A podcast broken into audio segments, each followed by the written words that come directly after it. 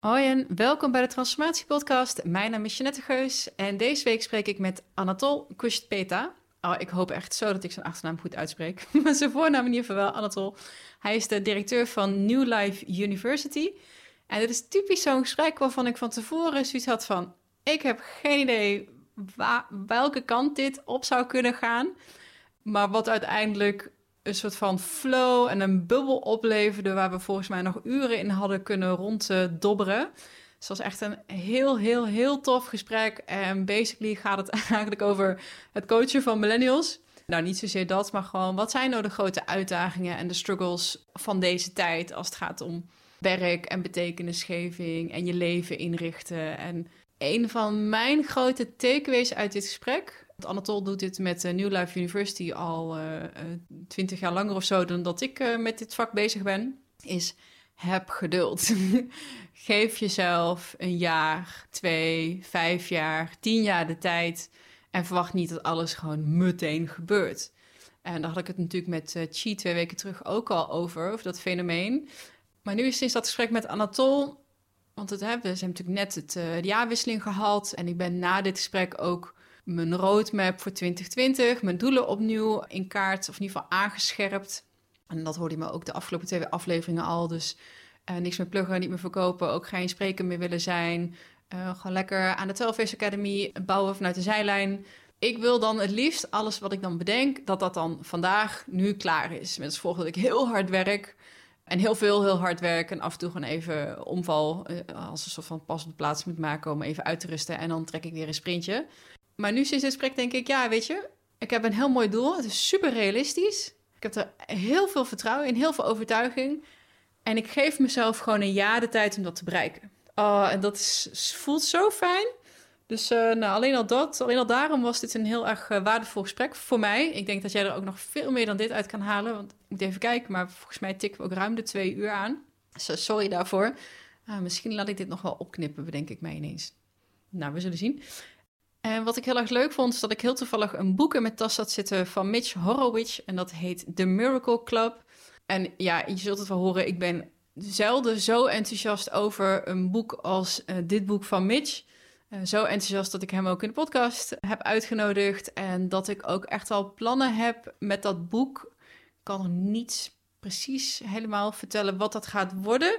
Maar het triggerde mij en het liet me vooral ook zien dat je over onderwerpen zoals metafysica, dus eh, de, de wereld buiten waar wij fysiek invloed op uitoefenen. Dus, dus ja, de law of attraction is natuurlijk ook zo'n metafysica ding, maar daar hebben we het ook over. Je, daar hebben het, dat is niet de kant die ik bedoel. Maar hij leerde me dat je over metafysica kan schrijven zonder een heel erg commercieel marketingtoontje aan te slaan of zonder het te hebben over en je wordt rijk en je bereikt dit en dat. Dus geen think and grow rich-achtige taferelen. Maar hij embed dat in een soort historische en ethische context. En hij schrijft daar heel, nou, het is een soort van filosofie, een stroming, een denkstroming. En ze noemen dat New Thought. Ja, ik vind, denk ik, dit, dit is in precies een compilatie van een hele hoop theorieën die ik aanhang Alleen ik had het zelf, nou, ik had het absoluut niet zo kundig in elkaar kunnen weven zoals hij dat doet. Uh, dus dat is echt een aanrader. Het heet dus uh, The Miracle Club. Ik schrik me het echt rot. ik woon dus sinds uh, twee jaar in de Achterhoek. En ik heb gisteren geleerd wat karbiet schieten is. Want het is nu 1 januari, terwijl ik dit inspreek. Dus gisteren was uit en nieuw. En de afgelopen week knalde het hier enorm. En ik heb dus nu geleerd wat karbietschieten is voor de niet-plattelandsmensen die dit luisteren. Karbietschieten is, dan hebben ze een melkbus en die, die zetten ze dan schuin weg en dan gaat dan karbiet in. Uh, en dan doen ze met vuur en dan schiet die deksel eraf en dan hoor je heel hard boem. en dat doen ze hier dus nog steeds. Daar schrok ik net echt enorm van, terwijl ik dit aan het inspreken was. Anyways, Terug naar uh, Anatol en New Life University. Super inspirerende man. Ik ben er ook echt van overtuigd dat het niet de laatste keer is dat ik Anatol uh, sprak en ontmoette. Ik ben er ook van overtuigd dat ik nog heel veel ga doen met de Miracle Club van Mitch Horowitz. En laat je echt niet misleiden door de titel. Het heeft niks met wonderen te maken of dingen fantaseren out of thin air. Alles behalve. Het echt juist heel praktisch. Nou, ook niet eens praktisch. Het, nou, ga het zelf maar lezen. Ik zal het linkje naar het boek eh, eh, bij de show notes opnemen. En dan wens ik jou eh, heel veel plezier met dit gesprek. En tot volgende week.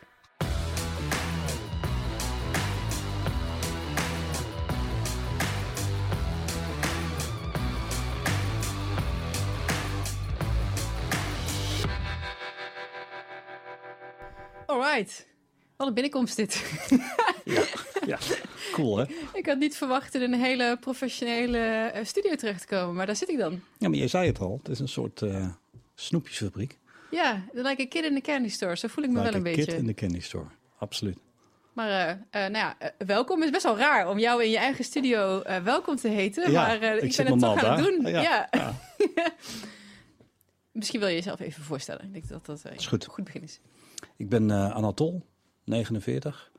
Ik ben eh, geboren en getogen in eh Hilvarenbeek en omgeving, Brabant. Toen gaan studeren tussen aanhalingstekens in Delft. Want ik kwam eigenlijk niet verder dan eh, de volgende studie doen en de volgende, omdat je toen nog dienstplicht had. Dus ik heb een technische studie niet afgerond. Veel rondgekeken en vooral heel veel gefeest. Toen ben ik gaan werken, nadat ik uit dienst kwam. En ben in het vak gerold van personal development. Coach en trainer. En met heel veel vallen en opstaan de laatste 15 jaar daar een ja, bestaan van op kunnen bouwen.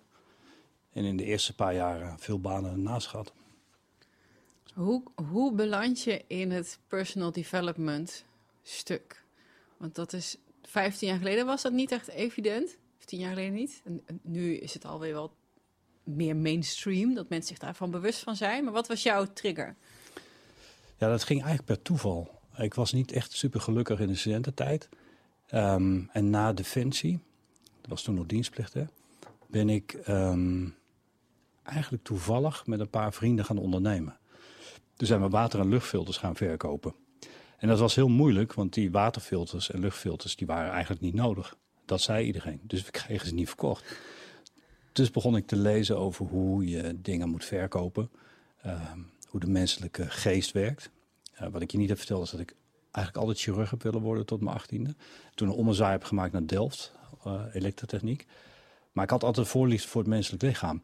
En door die verkoopboeken kwam ik terecht bij personal development boeken. En toen kwam ik weer eigenlijk terecht bij de mensen die het bedrijf hadden opgezet, die die water- en luchtfilters eh, verkochten. En dat waren Amerikanen die onvoorstelbaar goed konden spreken. En die volledig in de personal development zaten.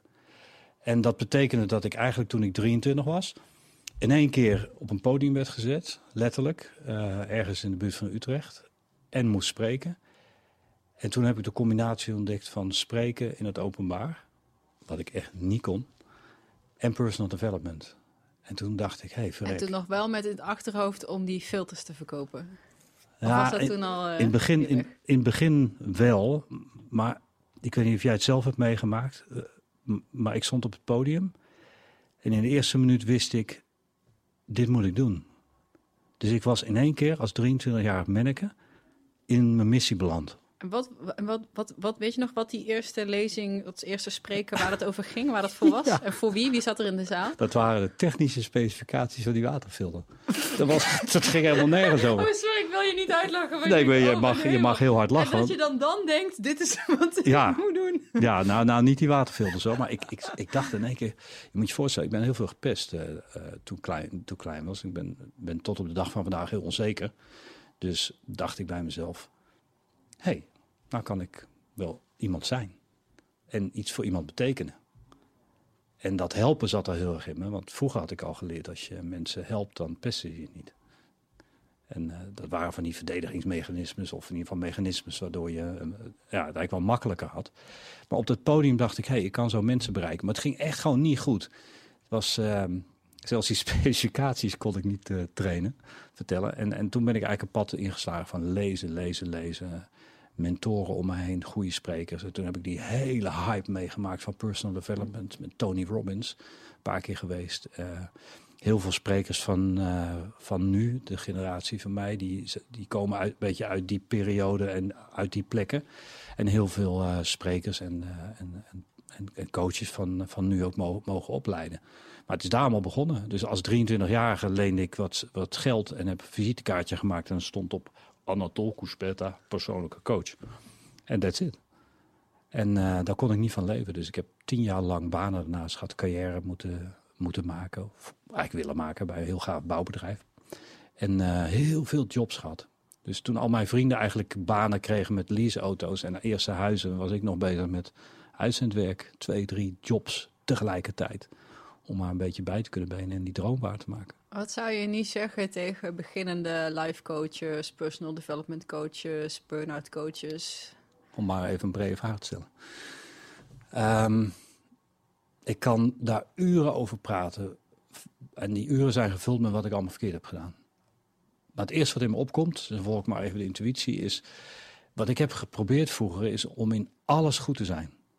Ik vond, zeker als coach, dat je in alles goed moest zijn.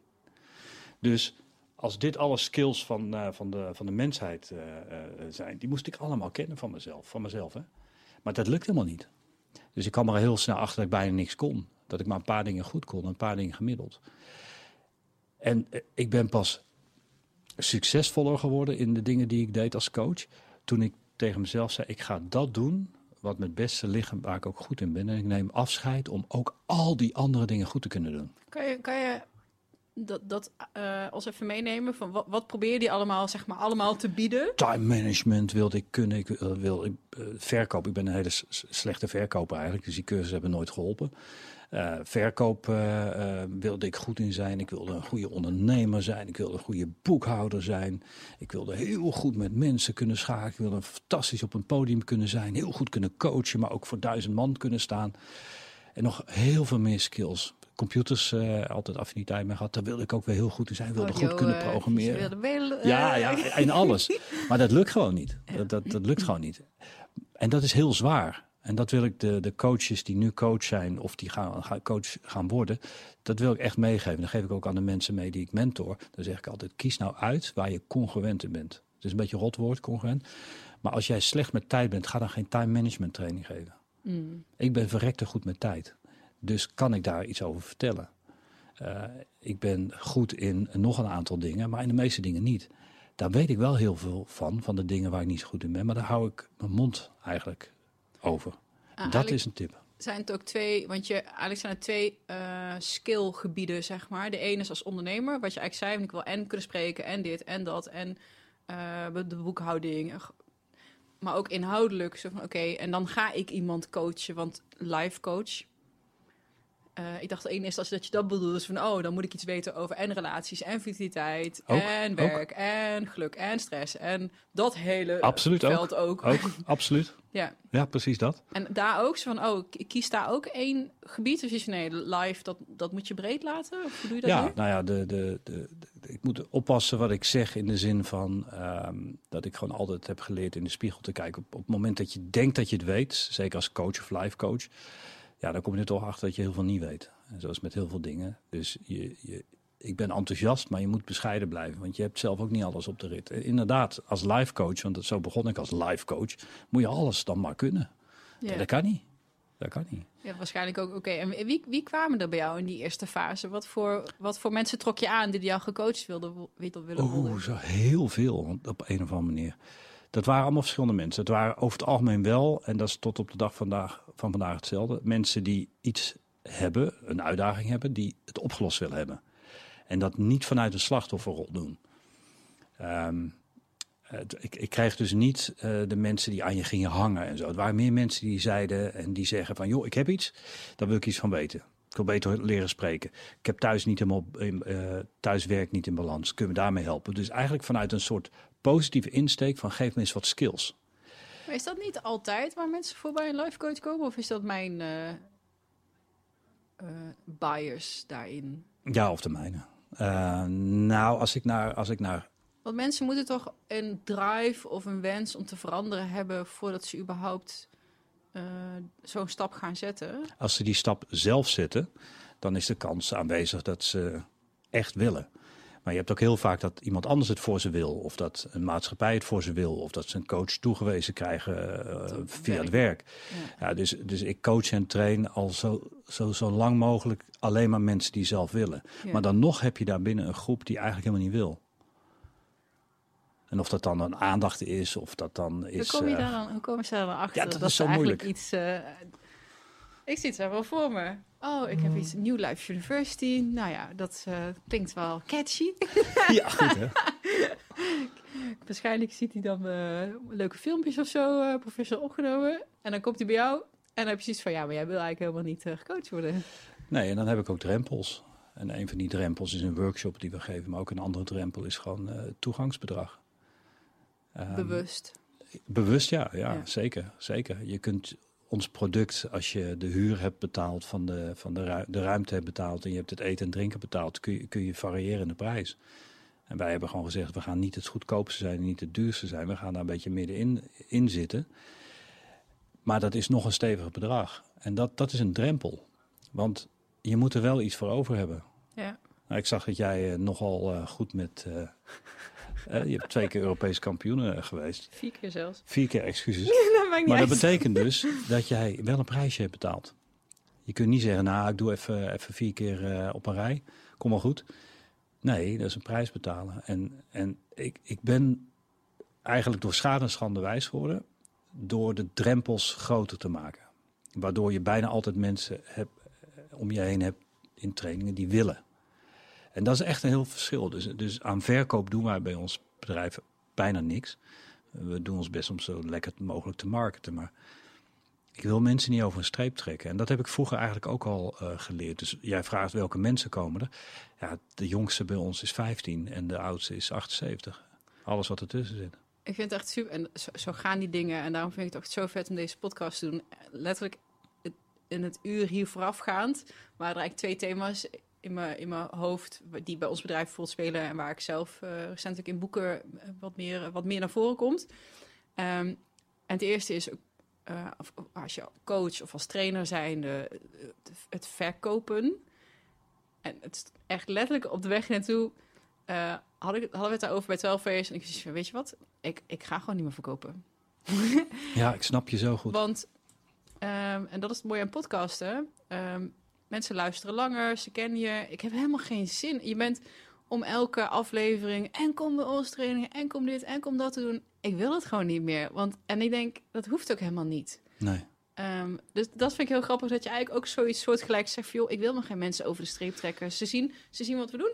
Ze vinden het leuk of niet. Ja. Ze zien de meerwaarde wel of Ja. niet. En dan komen ze wel als de tijd rijp is. En Ja. dat is zo belangrijk. Ja, je zegt het mooier dan ik het zei. Ik zei het heel uitgebreid, maar dit is precies. Ja. Het it's, it's all about timing. En het tweede, en dat is het. eh, en dus eigenlijk moet ik het niet zeggen, want dat verpest een beetje het effect. Maar dus het placebo-effect. Leg eens uit. Ehm, Ik ken het placebo-effect, maar wat bedoel je dan?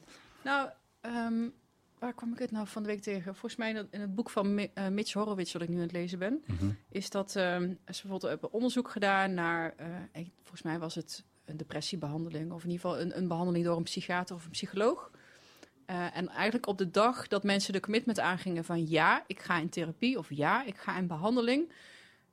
Vanaf dat moment was er al een afname in symptomen. En soms dermate dat die medicijnen eigenlijk niet meer nodig waren. Toen ze eenmaal aan de beurt waren en door de Mhm. intake en het systeem, Mhm. weet je, dat duurt altijd even voordat je dan daadwerkelijk kan gaan beginnen. Ik heb dat zelf ook ervaren eh, in, in, eh, in een verslavingskliniek. Ehm, en dat vond ik zo vet om te lezen. En die mensen die krijgen dan nog wel een medicijn. Ook om ze dat vertrouwen te blijven geven. Maar, ehm, Een deel is al opgelost of zo. maar eigenlijk, eigenlijk hoeft het niet meer. Eigenlijk waren de symptomen al dermate verlicht Mhm. voor een grote groep. En het was gewoon, dan denk ik, wauw, hoe sterk is dat, eh, dat brein, zeg maar. Dat je zegt, oké, en nu ga ik het anders doen. En dat daarmee eigenlijk alles al is. Dat is gewoon de kracht van eh, het placebo-effect. Mhm. Uh, Joe Dispenza, ik weet niet of je dat Zeker, wat zegt. zeker. Dat is Volg ik, eh, vanaf het helemaal begin, zijn ja. ding. Maar Deepak Chopra, eigenlijk precies Zeker. hetzelfde. Alle grote Ja. spirituele eh goeroes, als het gaat over projectie en hoe veranderen we en wat is mijn invloed op de wereld. Dat begint met die commitment. Ja. Echt willen en echt, echt, echt overtuiging hebben. Dit gaat mij helpen. Ja. Ja, dat. En, En- dat, daar hoort dus niet bij dat je mensen over een streep Nee, trekt. maar wel als iemand, als iemand bereid is om, ik, ik weet niet wat je, wat je training kost, maar om bij wijze van spreken een paar duizend euro ehm, neer te leggen, Mhm. dat doe je alleen als je echt van overtuigd absoluut. ben dat dat Absoluut. gaat helpen. Misschien is er een paar procent die zoiets hebben van, oh, we zien wel. Ja, nee, nee, dat, zijn, dat is commitment. Ja, Ja, precies Ja. dat. Ja. En eh, het is niet dat dat dan genoeg is en dat voor de rest jouw training eh, niks is. Daarom zei ik, ik Nee. moet er een beetje voorzichtig mee zijn. Ik wil het effect niet eh, verpesten. Maar het, het is, het is denk ik wel waar zoals je het beschrijft. Ja. Het, het, het begint met zo'n beslissing. Hè? Ja, Dat merk je ook vaak bij, bij verslavingen. En eh, daar heb je waarschijnlijk meer verstand van dan ik. Maar het is een beslissing. Stoppen met roken is, is zo'n zo'n cliché voorbeeld. kun je dat trainen, denk je? Wat? Zo'n beslissing, die overtuiging, die, die, die overtuigingskracht. Naar jezelf toe. Ja? Zeker. Hoe, denk je? Eh, herhaling, ehm, een groter iets, eh, veel pijn, ehm, eh, iemand anders. Waar ik, waar ik in geloof op dit moment, want ja, het verandert de laatste jaren zoveel. En een, groot, een, een best wel een groot deel van het vakgebied personal development wordt nu gedebunked. Eh, en misschien wel terecht doordat er heel veel dingen niet klopten. Want we, in onze business praten we heel vaak mensen na en zo. Maar als je echt wetenschap op, eh, op, op loslaat, en dat, dat is best wel moeilijk omdat er heel veel onderzoeken zijn, dan denk ik dat het te maken heeft met een soort threshold. Tot hier en niet verder. Vroeger leerde ik een, een uitspraak van een van die Amerikanen die zei: sick and tired of being sick and tired. En dan kunnen mensen in één keer een beslissing nemen. Ja. En op een of andere manier is die beslissing dan in het brein zodanig eh, gewired dat het dan ook gewoon gebeurt. Ja. Want ik heb zo vaak van mensen gehoord die stoppen met roken, dat het helemaal niet moeilijk was om te stoppen met roken. Nee, de aanloop er naartoe. Dat, maar dat is het. Maar is het niet zo met life decisions ook vaak zo dat, dat de, de beslissing zelf eh, in een vingerknip gaat? Maar daar kun je twintig jaar over doen. Ja. En je kunt je al twintig jaar druk maken voor het feit dat het niet gaat lukken. Ja, ja, ja. Ja. dat. Oh, stop met roken. Ja, nee. Oh, dan ga ik chagrijnig zijn. Dan wil ik niet meer. Dat is moeilijk. En dan ga ik eten. Buh, weet je wel? Maar daar zit je antwoord misschien in. Ja. Eh, daar zit misschien het antwoord in. Dus als jij tegen een beslissing aanhikt, dan doe je iets in je koppie. Laat het maar heel simpel houden. Je doet iets met gedachten van hoe moeilijk het wel niet is. Dus als je die gedachten vastpakt en je doet daar iets mee, dan kan een beslissing makkelijker genomen worden. Daar geloof ik wel in. Dus ik denk dat je mensen kunt toolen, dat ze met zichzelf kunnen. Maar als trainer of coach of begeleider kun je denk ik ook, kun je mensen helpen om makkelijker zo'n beslissing te maken. Je- en, en je kunt zelfs als, als, als trainer kun je een, een dus threshold maken. Als coach ook, met een paar rake vragen of met een paar rake opmerkingen, kan je wel iemand in de buurt van die drempelwaarde krijgen, denk ik. Waardoor ze zo'n beslissing maken of niet. ja. En dat laatste, daar ben ik nog niet helemaal achter hoe dat zit. Nou, echt 25 jaar denk ik nog steeds. Dat mensen Waarom niet, lukt- niet die stap zetten. Nee, maar dat lukt me niet altijd. Ik Ja. heb misschien een hogere score dan gemiddeld, omdat ik al lang in de business zit. Maar heel veel dingen lukken ook gewoon niet. Dat je denkt, hoe kan dat nou? Want wat is dat nou dat kan iemand je, kan weer je terugvalt? een, een, een voorbeeld geven van iets waarvan je dacht... Ah, waarom... Of dat je heel graag iets voor iemand wilde bereiken en dat dat dan niet lukte? Ja, niet voor iemand wilde bereiken, maar dat je iemand wilde begeleiden. Nou, zou ik bij mezelf beginnen dan? Het hand in eigen boezem. Ik weet al, al, al 25 jaar wat, wat de topstrategieën zijn van miljonairs en miljardairs. En mensen die financieel onafhankelijk zijn, omdat ik veel met dat soort mensen werk. Maar ik heb ze niet zelf toegepast. Dat Dus ik moet, ik moet werken voor mijn geld. Ja. Had ik ze toegepast, dan was ik al klaar geweest. Omdat zij bijna allemaal zeggen, tussen de 15 en 20 jaar, als je het goed doet, met goede beleggingsstrategieën, dan, dan kom je er. Nou, jij kent vast ook al die boekjes. De rijkste man uit Babylon en uh, Maar Rich ik Poor zeggen dat misschien voor mij ook nog wel een, een next step. Ik kom niet Oh, heel oké. veel verder dan ehm, Unbreakable, Unshakable. Ja, ja, ja. Tony Robbins over Ja, eh, ja. dat pensioen. Dat was voor mij echt een eye-opener wat cumulatieve rente voor je kan doen. Dat Ja, had dat- ik nog nooit helemaal gesnapt. Of ja, Dat- maar dat- wisten we het wel. Oh, dat is de basis. En toen ineens zo, Shit. Ja, oeps. Ja. wauw, dat is echt... eh, ja, money is nog wel een dingetje. Ehm, Nou, dat is een voorbeeld voor mezelf althans. ah, dat is wel interessant. Heb je een, weet je voor jezelf ehm, wa- waarom je dat niet doet? Nou, waar, ik, ik waar ben, daar ik ben die wijzer. weerstand dan zit? Nou, ik ben wijzer geworden. Dus ik, ik ben nu veel beter met geld. Maar het- ik doe dit vak niet voor het geld. En de meeste coaches en trainers die ik ken, doen dat niet. Dan, dat is precies je antwoord. Ja, want ik, het, het het boeit me helemaal niks. geld. Nee, ik doe het helemaal niet voor het geld. dat, dat zal een. eh, eh, en die mindset heeft een miljonair, biljardair niet. dat Kan dacht ik me ik zo ook. voorstellen. Dat dacht ik ook. Maar, maar sommigen wel. Maar als je dan naar- echt naar de super rich kijkt. Nee, maar die moeten toch ergens deep down de overtuiging hebben... ja, geld is fijn, belangrijk, daar doe ik het voor. Anders word je toch geen miljonair, tenzij je het erft of...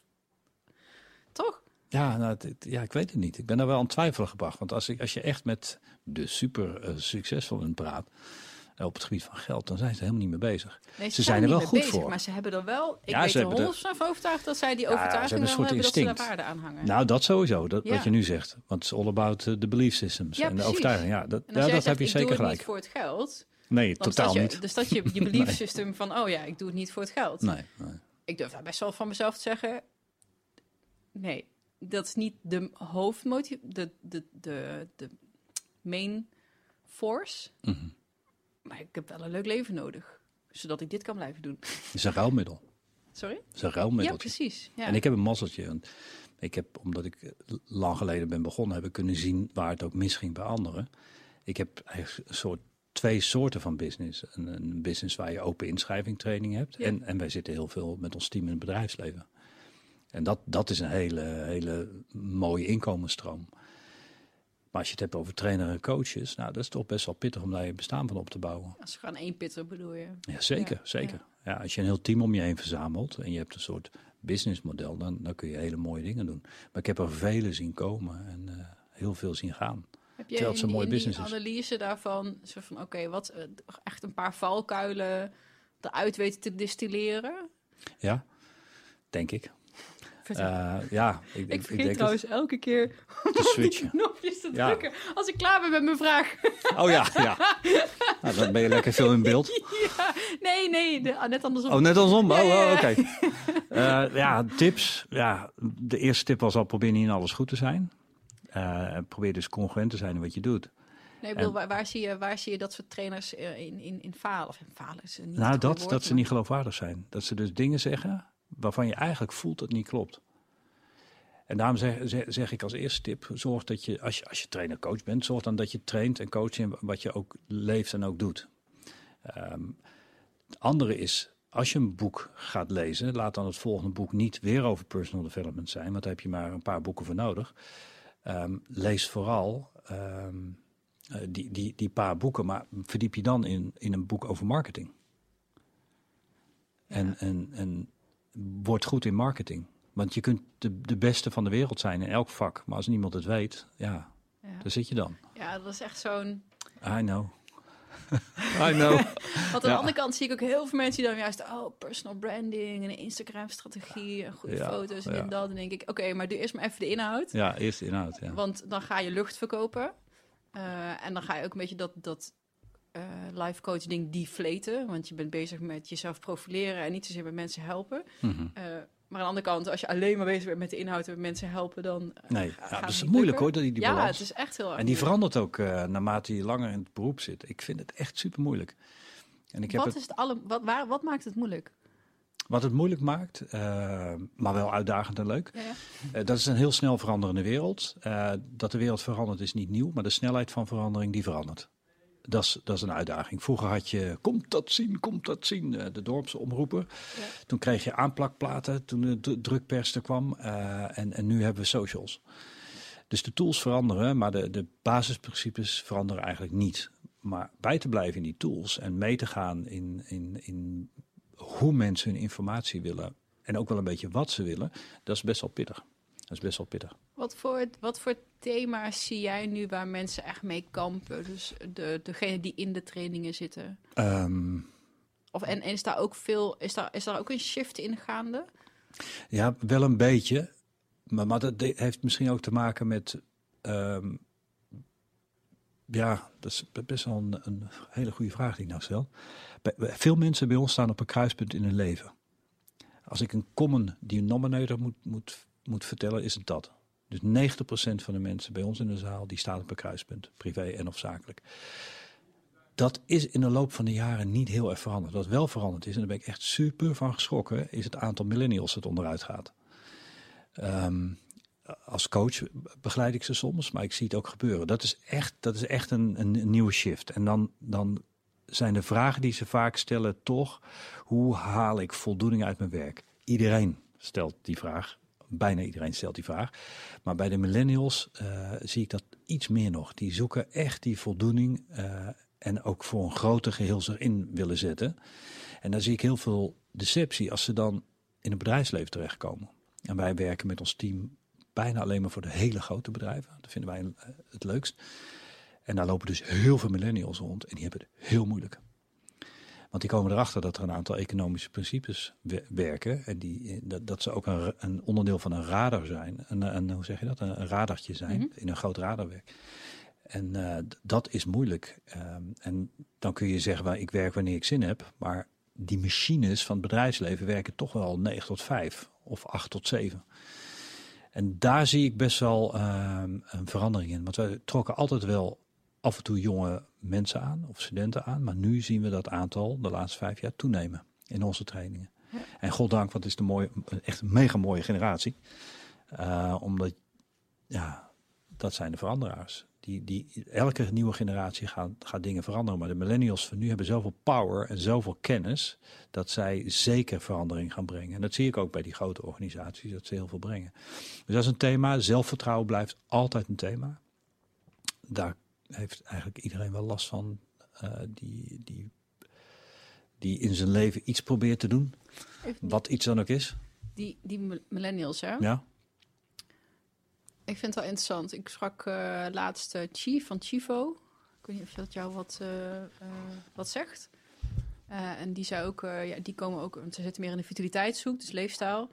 Ze, ja, die millennials die worden beticht van dat ze bijvoorbeeld ehm, ehm, instant gratification hebben. Ze willen direct resultaat en um, dat wordt best wel negatief afgeschilderd. Hij zegt, maar als ze bij mij komen, hij zegt, en ook als je kijkt naar de onderzoeken, dat is helemaal niet zo. zijn superwijs. Er is nog nooit een generatie geweest die juist zo uh, eigenlijk die, die gratification kon uitstellen. Dus die echt bereid was om gewoon ja. uh, uh, hard te werken. Mm -hmm. hij zegt, hij zat meer in, er wordt een beeld geschetst voor die generatie dat iedereen gewoon een soort van uh, op zijn twintigste financieel onafhankelijk kan zijn. En uh, topondernemer kan zijn. En dus we hebben gewoon meer voorbeelden van jonge mensen, millennials, die het al gemaakt hebben. En die dat mhm. breed uitzetten. Hij zegt, dan, die, ja, dan proberen ze dat. En dan komen ze achter dat ze ook talent nodig hebben. en een bepaalde skillset en, en, ik, en uh, hard moeten werken. En dan, lopen ze, dan hebben ze een soort van crash and burn. Oh, het lukt niet, ik geef het op. Mm Vond ik ook wel interessant. Ik denk, ja, ik dacht ook dat dat een beetje... Dat, dat we niet wilden wachten ervoor. Maar dat willen ze wel. En iets meer, er wordt een beeld geschetst wat gewoon echt niet voor iedereen attainable is. Dat is wel een beetje de rotboodschap om te verkopen. Ja, ja, ja. ja, sorry, is gewoon niet voor iedereen. Niet iedereen kan miljonair zijn. Ja. Het, ja, nou, er zit wel wat in hoor. Ja. ja, maar ik denk dat ik ben een absoluut fan van socials. Maar ik denk ook dat socials wel wat uitdagingen hier en daar. Wel is het alleen al wat het, wat het brein doet als er een like extra bij komt. Het, is gewoon een verslavend dingetje. Ja. Uh, en je krijgt natuurlijk uh, dat beeld, en dat is een cliché is dat, dat je zoveel mogelijk je goede kant laat zien op socials. Dus ja, er wordt een beeld. Maar ik ben totaal fan van millennials. Maar is, is, dat, is dat de reden waarop, uh, waarom denk jij dat ze onderuit gaan? Of hoe, hoe komen ze bij jou in de training? Wat, wat is de, het grootste klacht eigenlijk die zij hebben? Nou, de grootste klacht is toch wel dat, dat ze moeten passen in een systeem dat er al is. En dat ze toch met heel grote, mooie idealen, die ze niet loslaten, toch niet helemaal hun plek kunnen vinden om die idealen te leven. Ja. Dat, dat is wel een ding.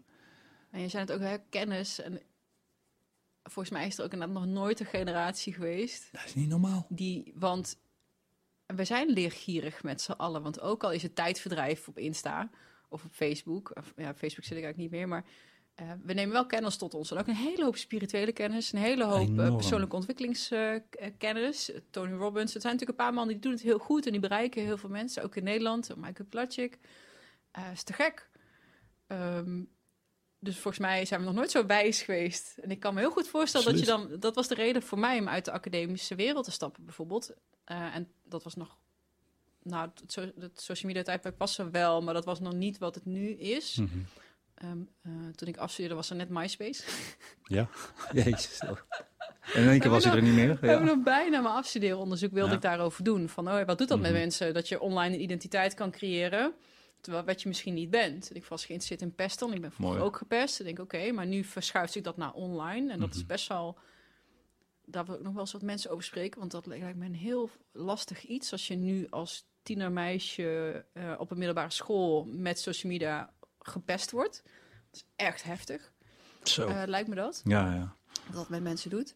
Ehm, maar toen ik dus in die academische wereld zat, was het wel een beetje social media, maar niet, zo, niet zoals het nu is, zeg maar. Maar ik ben daarmee gestopt, eigenlijk met precies die reden. Dus ja, ik wil heel hard werken, ik kan heel hard werken, eh, super ambitieus. Ehm, volgens mij kan ik genoeg skills ook ontwikkelen die me, die me ver kunnen brengen. Alleen pff, die universiteit, joh, mijn hemel. Eh, moet ik wachten op mijn beurt? Sorry. Van een entitlement eigenlijk, hè? ja. Maar ik denk, ja, en dan Ja, een beetje ellebogenwerk. En dan hoor je al die, hoe moeilijk het is om grants te krijgen. Of om, of om eh, überhaupt eigenlijk eh, voet aan de grond te krijgen. Ja, ik wil niet nog twintig jaar Maar wachten tot ik stuk. aan de beurt ben. Maar Ja, jij dan bent loop op tijd Ik kan me dat echt, echt Maar dat is ook het bedrijfsleven wat ik net schetste. Ja. Daar, daar kun je op stuk lopen. En als je dan hele grote idealen hebt. En die idealen is niet. En pff, nog een jaar. En oh, maar die, die was net een half jaar voor mij. Die mag eerst. Nou ja, dat. Ja. dat. En, en als je in een, in een bedrijf terechtkomt. Hè, want ja, dat, dat bedrijf loopt al. Dus je komt in een, in een systeem terecht dat, dat er al is. En als je dan eh, ja, je, je idealen niet kunt. kunt eh, ja, hoe zeg je dat? Kunt- Hoe, hoe, hoe help je daar die millennials mee? Wat zou je ze adviseren? Wat wij nu moeten hebben, Die, moeten dit die weg bij dat bedrijf? Of, moeten Nou. die, of kunnen die toch wel blijven?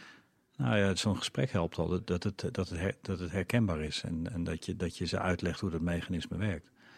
En dat, dat ze juist hun wijsheid moeten inzetten om eh, een langere termijn agenda te hebben. En het niet allemaal dan nu te willen. Waarbij ik niet zeg dat ze alleen maar voor instant gratification gaan. Want het is waar, doordat ze, je zo wijs bent, weet je ook dat dingen tijd kosten. Ehm, nou, een van de tips is, eh, eh, laat nooit je idealen los. Maar, maar stop met haast hebben.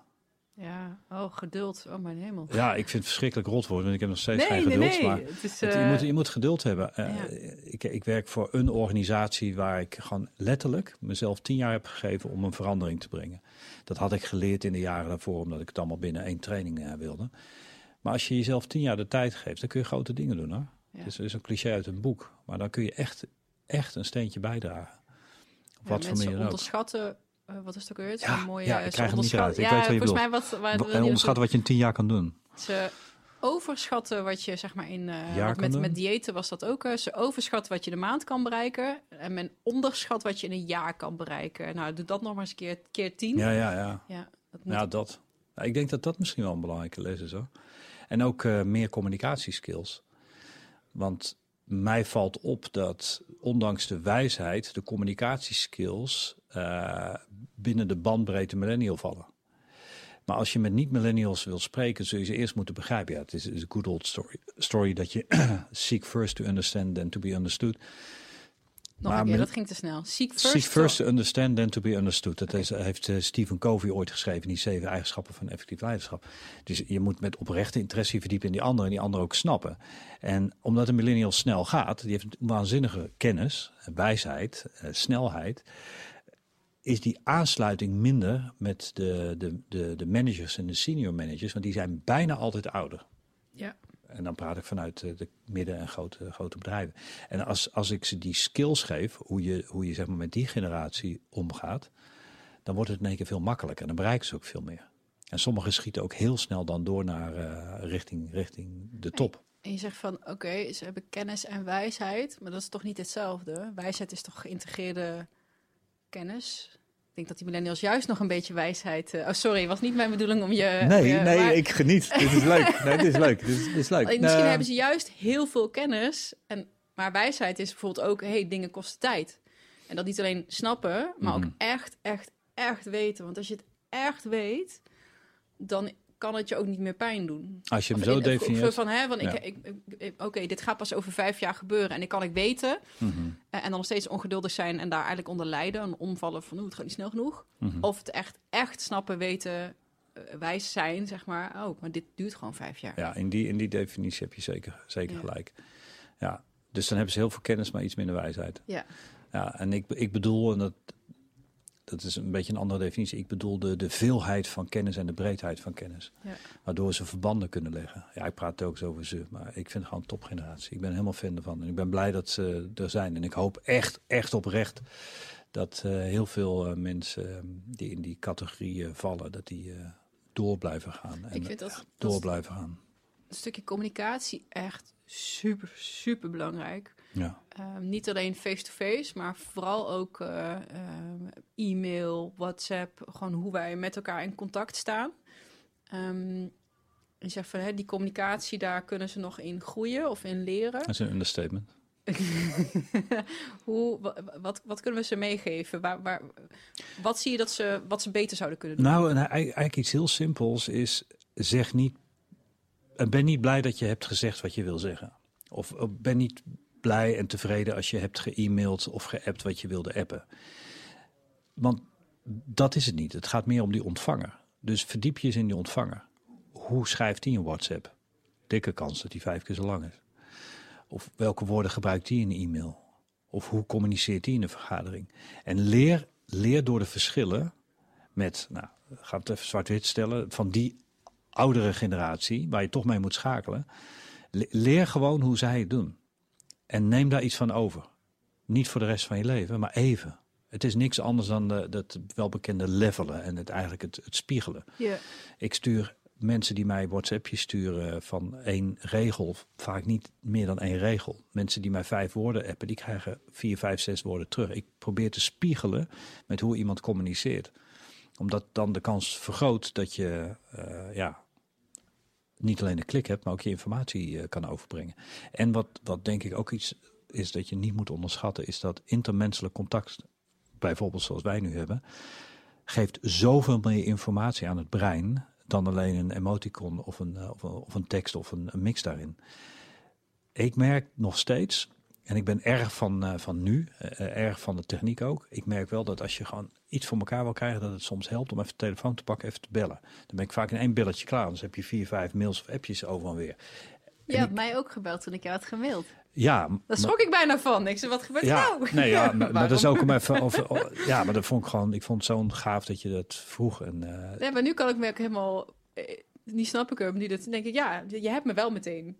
Ja, ja, maar ik wilde ook weten wie jij was. Want Ja. het is best wel spannend. Eh, nou, nu ben ik niet meer zenuwachtig, maar ik was net wel zenuwachtig. Het is best wel spannend te doen. Ik wilde heel even je horen. En toen heb ik je gegoogeld en heb ik alle eh, tools die, de, die we hebben op onze laptops heb ik gebruikt om even te kijken wie je was, wat je deed. En dan, dan is het oké.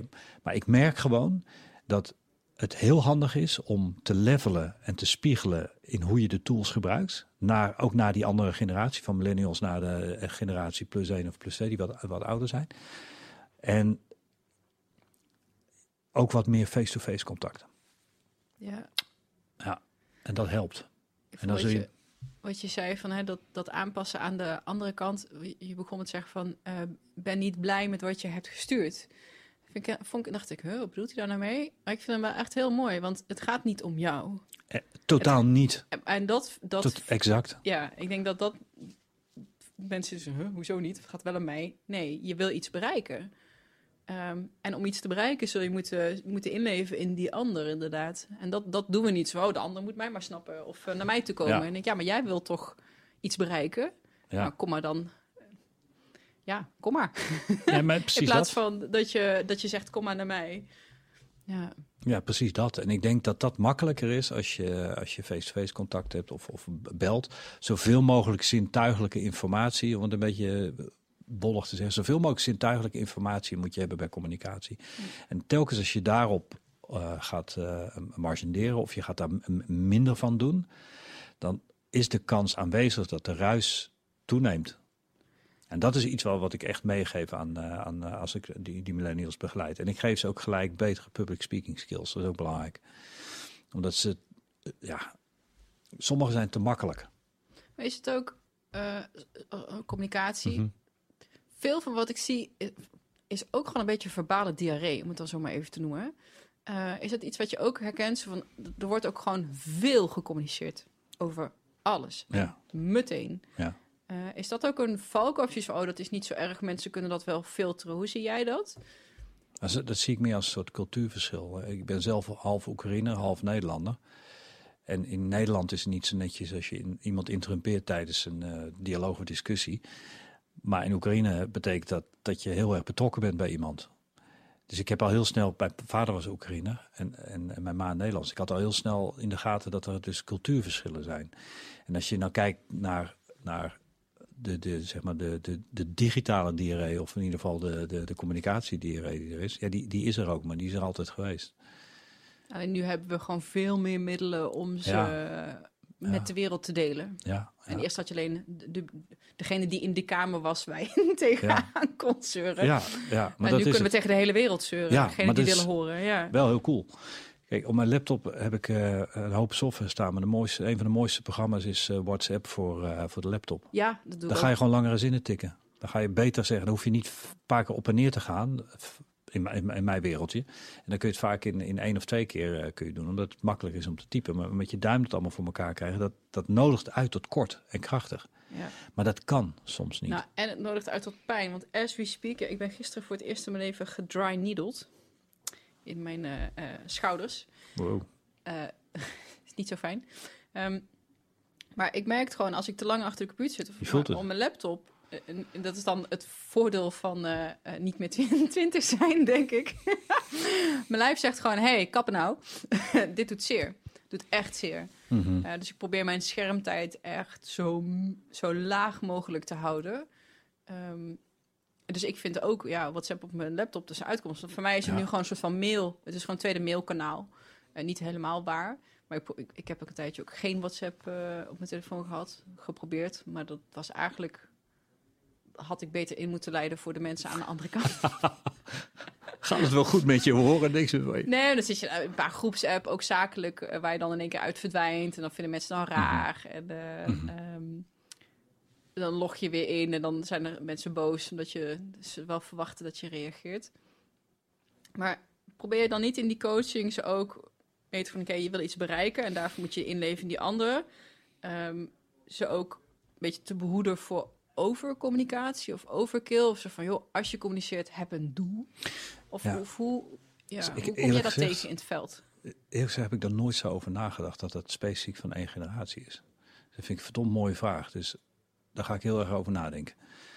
Ehm, Nou, de reden waarom ik het vraag, Mhm. misschien... eh, eh, ik krijg natuurlijk wel wat feedback ook van luisteraars. En ik dacht, oh, ik heb nu wel genoeg verteld over ehm, ehm, het digitale detox. Of weet je, de, de, Ja. de, de problemen die er zijn met... Maar het is een issue. En iedereen is altijd online. En altijd in communicatiemodus. En altijd... Iedereen is onder een duim, eh, zeg maar, is een duim van je verwijderd. En dat is wel echt heel erg van deze generatie. En ik kan me ook heel erg voorstellen dat zo'n millennial, of dat millennials, dat dat een van de redenen is waarom ze ook tegen de lamp lopen. Omdat ze continu ook die druk... Ik heb het zelf ook. Ik merk dat ik... eh, je hebt al intern, zeg maar, die, die, die oordelaar. Ja. Hè, dus de, de, de, de watcher, de, Ja. de, de, de, ju- de judge die continu meekijkt.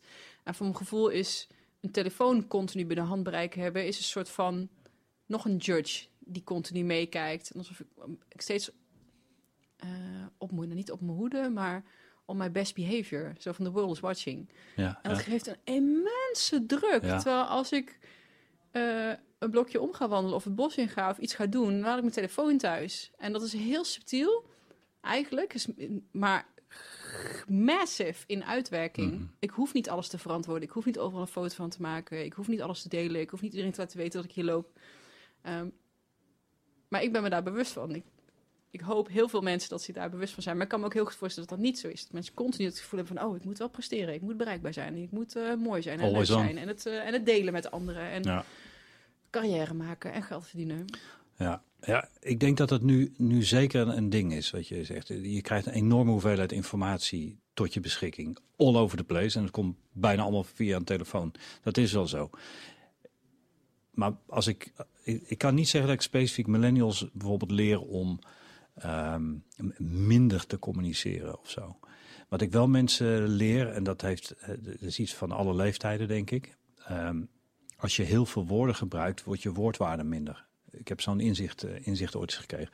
Mensen vragen heel vaak maar ja, als ik iets aan een vergadering zeg of ik zeg ergens iets bij mijn vriendenclub, niemand luistert naar me, dan gaan ze gauw weer naar een ander die dan iets zegt en dan doen ze het wel. Hoe kan dat dan? Hoe kan ik dan mensen meenemen, beïnvloeden, enthousiasmeren, inspireren? En dan zeg ik meestal, denk aan je netto salaris, reken even per dag terug, gedeelte 20, wat je per werkdag aan netto salaris hebt en deel dat door het aantal woorden dat een mens gebruikt. Zullen we zeggen ergens eh, tussen de 10.000 en 15.000 woorden dan kom je op een soort woordwaarde uit. wat jouw woord, het is een beetje een fictief voorbeeldje, maar het, zet je wel aan denken.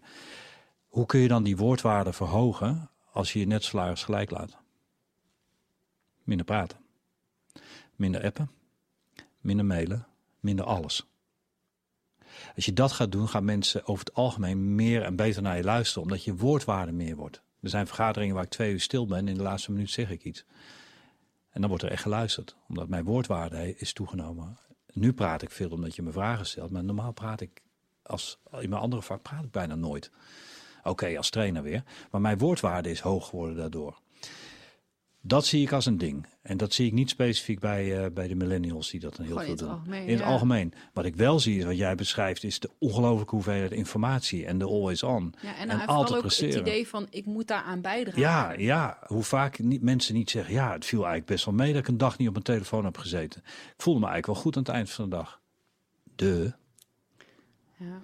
ga eens mediteren. Dan heb je helemaal niks. Gewoon rust. En, en dat brein, ik heb ooit eens gelezen dat het brein twee minuten rust nodig heeft. Dat het genoeg is op 24 uur. Het lichaam heeft meer nodig, hè, 7, 7,5 uur slaap. En het brein schijnt twee minuten nodig te hebben. Echt totale rust. Maar hoeveel mensen krijgen die? We kunnen nu wel even twee minuten stilte. Ja, ze hebben twee minuten stil zijn. En er is nog iets wat ik ook, eh, wat ik ook goddank heb geleerd met vallen en opstaan en, en op mijn neus gaan. Is mensen zeggen wel eens, ja, work hard, play hard. Maar dat is niet genoeg. Het is work hard, play hard, rest hard. Oh. Ja, maar wat is dan rest hard? Wat is dat? Rest hard, geen huisdieren, geen vriendjes, vriendinnetjes, geen mensen om je heen, geen socials, geen telefoon. Dus als je work hard, play hard doet, dan ga je alsnog een kans hebben om onderuit te gaan. Want je moet resten. En heel veel mensen hebben dat niet door. Die gaan een balans zoeken in work hard en play hard. Maar een hobby kost energie. De, de hoeveelheid neuronen, nou dat zul je weten, die actief is als je denkt. Laat staan als je denkt en communiceert met een ander is zo groot dat het brein niet tot rust komt. Nou, wie krijgt er tegenwoordig nog echt totale me-time zonder een telefoon in zijn buurt? En dat is wel een dingetje van, eh, van eh, de, de, de generatie Always Connected. Ja.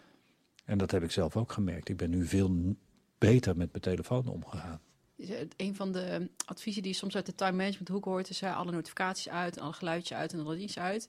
Het zou denk ik een heel erg leuk experiment zijn voor mensen. Nee, weet je wat? Zet alles maar aan. En zo hard mogelijk. als, als een soort van. Je wordt helemaal gek. Want ik zat. Eh, dat je ik- bewust wordt dat je gek wordt gemaakt. En Ja, je gek omdat- laat maken. Want ja. eh, misschien staat het geluid niet aan, maar dat- ergens weet je wel dat er continu aanspraak op je wordt gedaan. Mhm. Ik zei het omdat ik eh, gisteren of zo, ik was met iemand aan het praten, of ik zat in een, nee, ik zat, ik gaf training. En, en er waren het, een paar waren gewoon netjes aan het luisteren. En één zat wel met de laptop open. Nou, dan vind ik al, doe de laptop dicht. Maar die had ook de, de, de dingetjes van de telefoon aanstaan.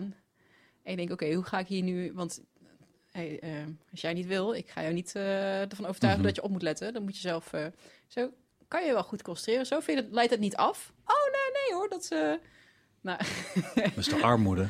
ja, Dat is toch armoede? ja. Denk, Koekoek. je kan... Zo werkt het brein niet, zeg maar. Nee. Dat het, en dat je dan elke keer kijkt, oh, denk zo van nee, maar kijk, kijk dan straks. Of ik hè, bel dan straks terug. Maar ja, nu in de afgelopen 10 minuten heb je wel, eh, bij wijze van spreken, 15 keer op die telefoon gekeken. Dan ben je niet helemaal bij wat wij hier aan het doen zijn. Nee. nee, ik vind dat armoede. Ik was gisteren in de bioscoop, heb ik eh, een hele leuke Nederlandse film gezien. En ehm, in de reclame komt bij Pathé komt, eh, eh, een hele coole animatie waar dan wordt gezegd nu stil zijn. En die komt twee keer eh, voorbij om als hint te geven iedereen stil. Dan kom je in die bioscoopsfeer. Film begint nog niet, maar er komen allemaal leuke... En dan gaat een, iemand naast me met degene daarnaast alleen maar praten en praten en praten en praten. Pakt ook nog eens de zaal donker wordt de telefoon. Ehm, dat vind ik best wel armoede. Dat je dus niet meer de controle, en dat is ook wel een dingetje van deze tijd, dat je dus niet meer de controle over jezelf hebt, lees de controle over je eigen brein hebt, om gewoon stil te zijn. Om gewoon de telefoon niet te pakken. Als je, dat heeft me heel erg aan het denken gezet. Ik denk, dat is gewoon echt niet goed. Ja, het zijn Dat is een twee keiharde verslaving. die elkaar bijna een beetje tegenspreken. Aan de ene kant heb je dan bijvoorbeeld dit Chi en die onderzoekers zeggen... nee hoor, die, die jeugd van tegenwoordig die hebben juist hartstikke veel discipline en grit... en die kunnen best wel die instant gratificatie uitstellen. Eens. Maar aan de andere kant zien wij en iedereen en allemaal... eh, wel continu mensen om ons heen die dat dan weer niet kunnen. Die in zo'n bioscoop... eh, niet kunnen stoppen met praten, niet kunnen stoppen met op de telefoon kijken. Ik ken die, ik ken die specifieke onderzoeken ken ik niet. Ik ook niet, maar goed, ik ben het wel met je eens dat, dat, dat deze, deze generatie juist wel ook heel veel discipline heeft om dingen voor elkaar te krijgen. Dus, en die kunnen ze ook heel goed concentreren. Ja, als maar dus het is bijna is. zo van, eh, waarom is doe je dat dan niet met die telefoon? Is Ja, dan... ja, ja. ja, maar het is ook wel weer fijn eh, dat je alle informatie hebt. Hè? Het is fijner dan waar we straks naartoe gaan. Straks is het allemaal geconnect in je hoofd. ja, dat lijkt me... Neuralink, Elon Musk. Dat is een hele, hele, hele gave Russische serie, heb ik laatst gekeken. Netflix. Eh, ja. Met ehm, robots, AI. En dat zijn eigenlijk huishoudelijke robots of seksdolls. Eh, maar die... Deze had iets wat op consciousness lijkt. Dus echt een next Oeh. generation AI. Wow. eh, een hele vette serie. Ja? En daar hebben ze ook niet echt Neuralink, maar hebben ze dat met dingetjes in het oor en polsbandjes. En daar zie je al van hoe die wereld, want het is net iets verder dan dat wij zijn. Dus het is eigenlijk onze wereld. Het is heel mooi gefilmd, het is heel, heel, eh, heel, Oh, ik heel ga clean. kijken. Ja, oh, ik, ik, ik, kom misschien zo meteen op, met, zo meteen op wat de titel is. Maar als je het googelt, uh, Ja, Russische serie AI Gaaf. dolls, dan, Ja.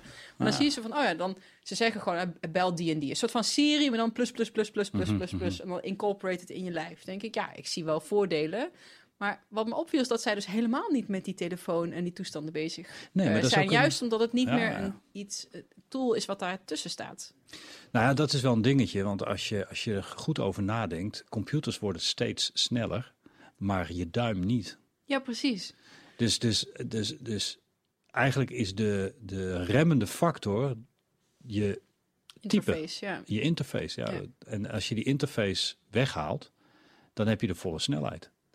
En dat dus gaat gebeuren. En het verslavende stukje niet van... Want je hebt dus die telefoon minder fysiek nodig. En dus ook minder alle leuke dingetjes die we erop kunnen, Kleurtjes kunnen doen. en Dus ja, het wordt wat, wat functie- werd wat functioneler of zo. En dat Ja, vond ik er wel heel, eh, wel heel gaaf. Want ik, oh, het is toch eigenlijk wel mild optimistisch.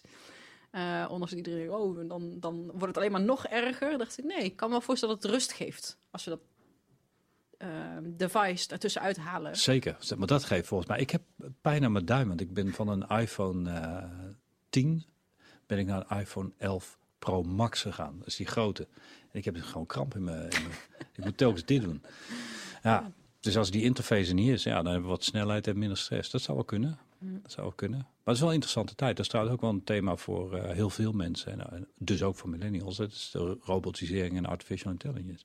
Ik zie daar heel veel kansen. Want ik heb al heel lang zo'n Roomba die thuis de boel eh, zuigt.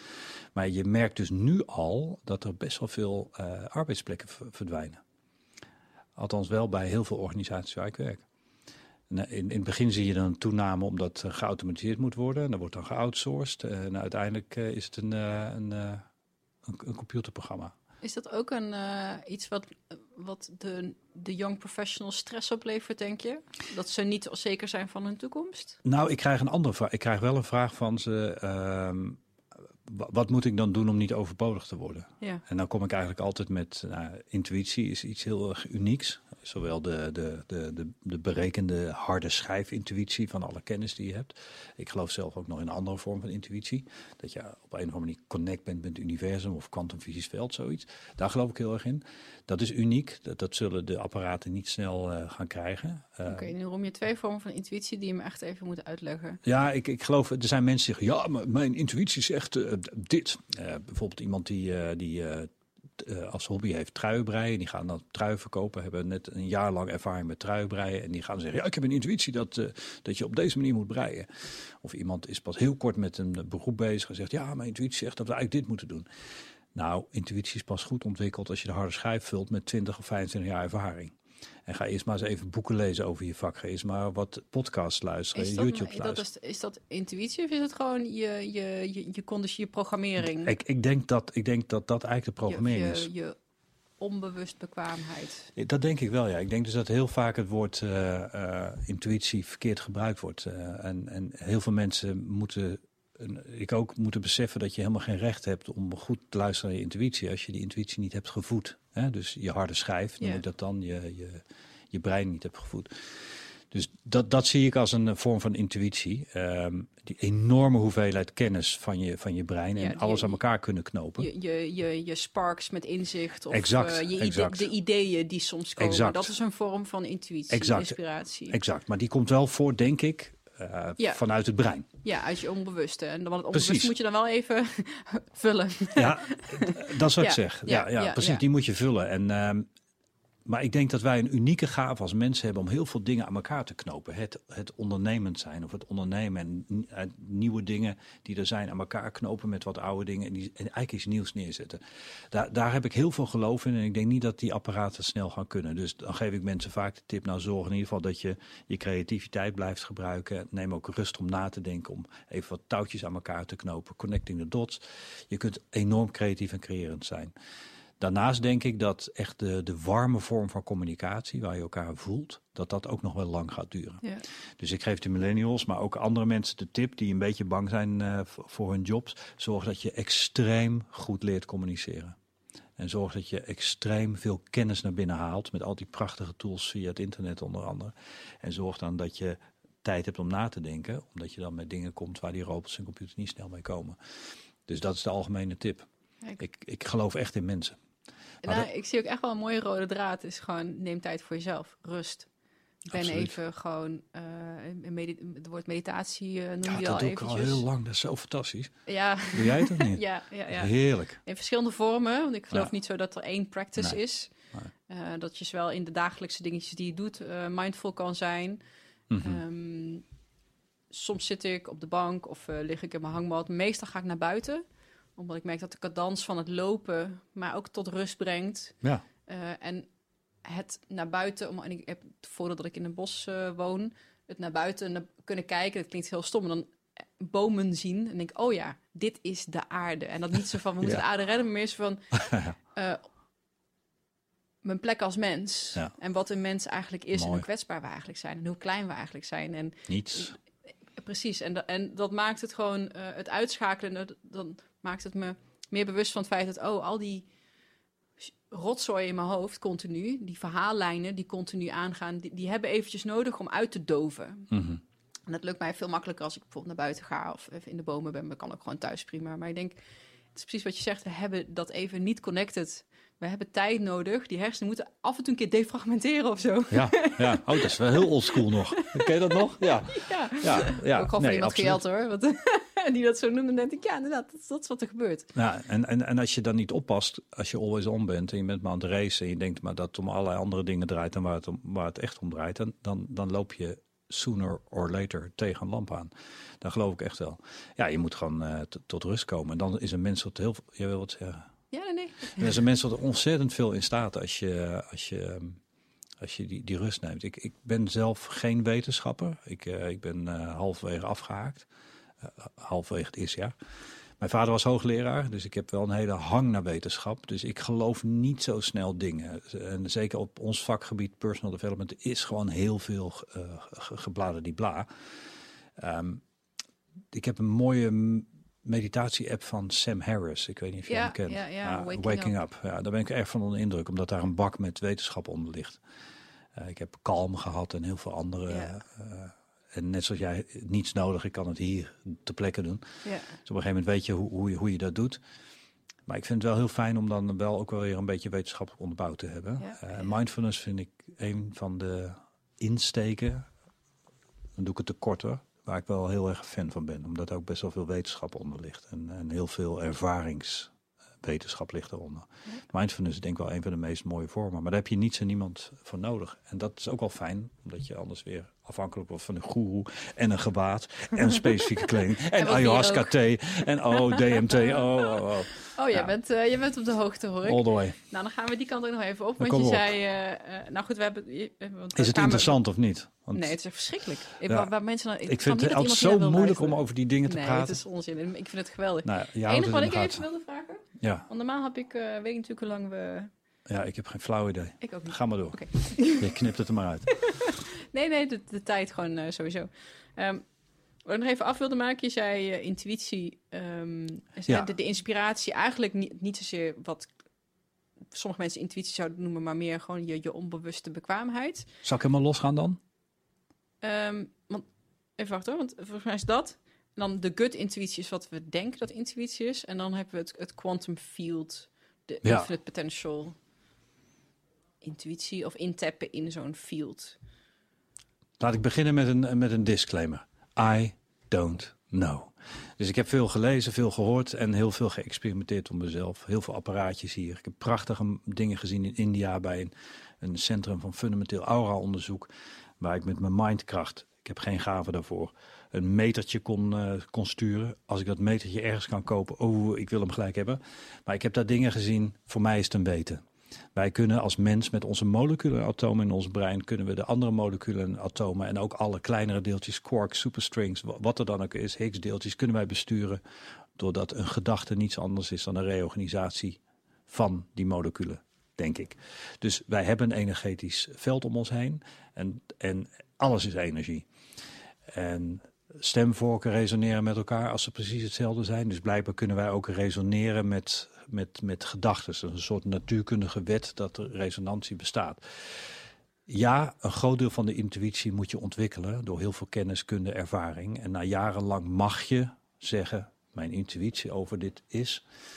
Maar ik denk dat er ook nog een andere intuïtie is. Ik denk dat onze pijnappelklier, um, en I don't know hè, maar voor mij is het een, is, is het een geloof. Ik denk dat de pijnappelklier uh, in staat is om frequenties uit te zenden en te ontvangen. Eigenlijk is de pijnappelklier hier in ons kopje, het derde oog, is in staat om uh, als radio-ontvanger te dienen. En die kan denk ik ook wel dingetjes oppikken. Ik vind, vind Robert Sheldrake, ik weet niet of hij ooit gedebunked is, maar, maar voor zover ik weet dacht ik niet.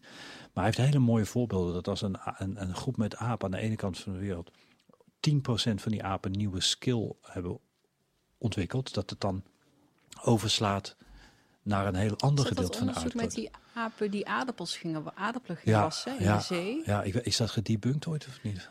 Volgens mij niet. Nee, daarom. Dus, dus... Ik, ik, kan wel, ik, ik weet niet of ik hem heel zuiver kan reproduceren. Ik heb hem in mijn opleiding uh, ooit een keer gelezen. Of, of misschien zelf een keer ontdekt. Ik weet het niet meer precies.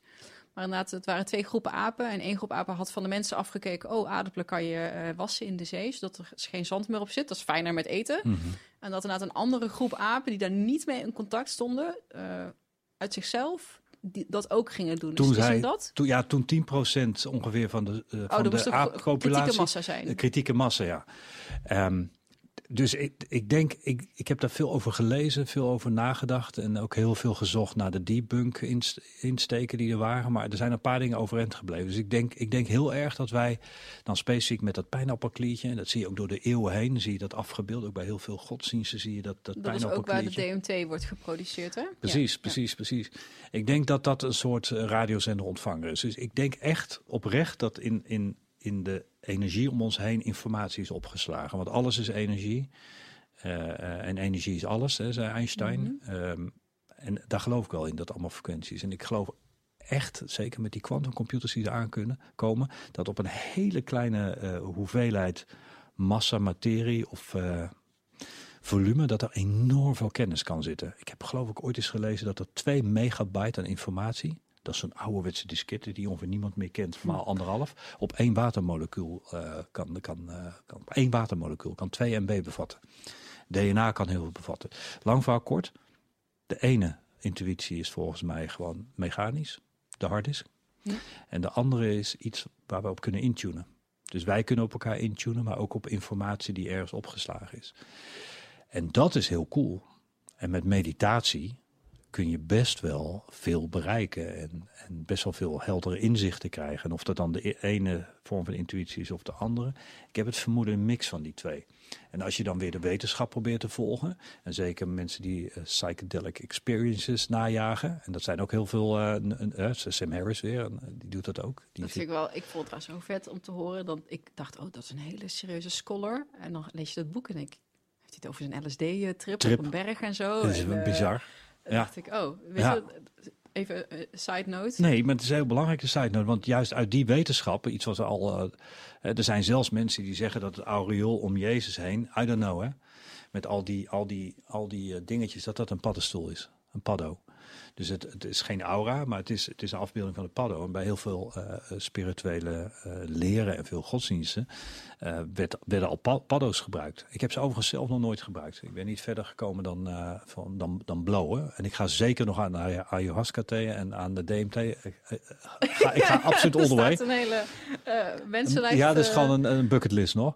Maar ik vind het nog spannend, dat moet ik je zeggen, omdat ik heel erg blij ben met mijn brein. Dus ik vind het best wel spannend om, uh, om dingen op mijn brein los te laten. Daarom volg ik eerst even lafjes een paar jaar die wetenschap. En dan ga ik net zoals Sam Harris all the way. Ik heb uh, 18 ayahuasca-ceremonies gedaan. Je hebt zelf ze gedaan. En ja. vert, vertel eens.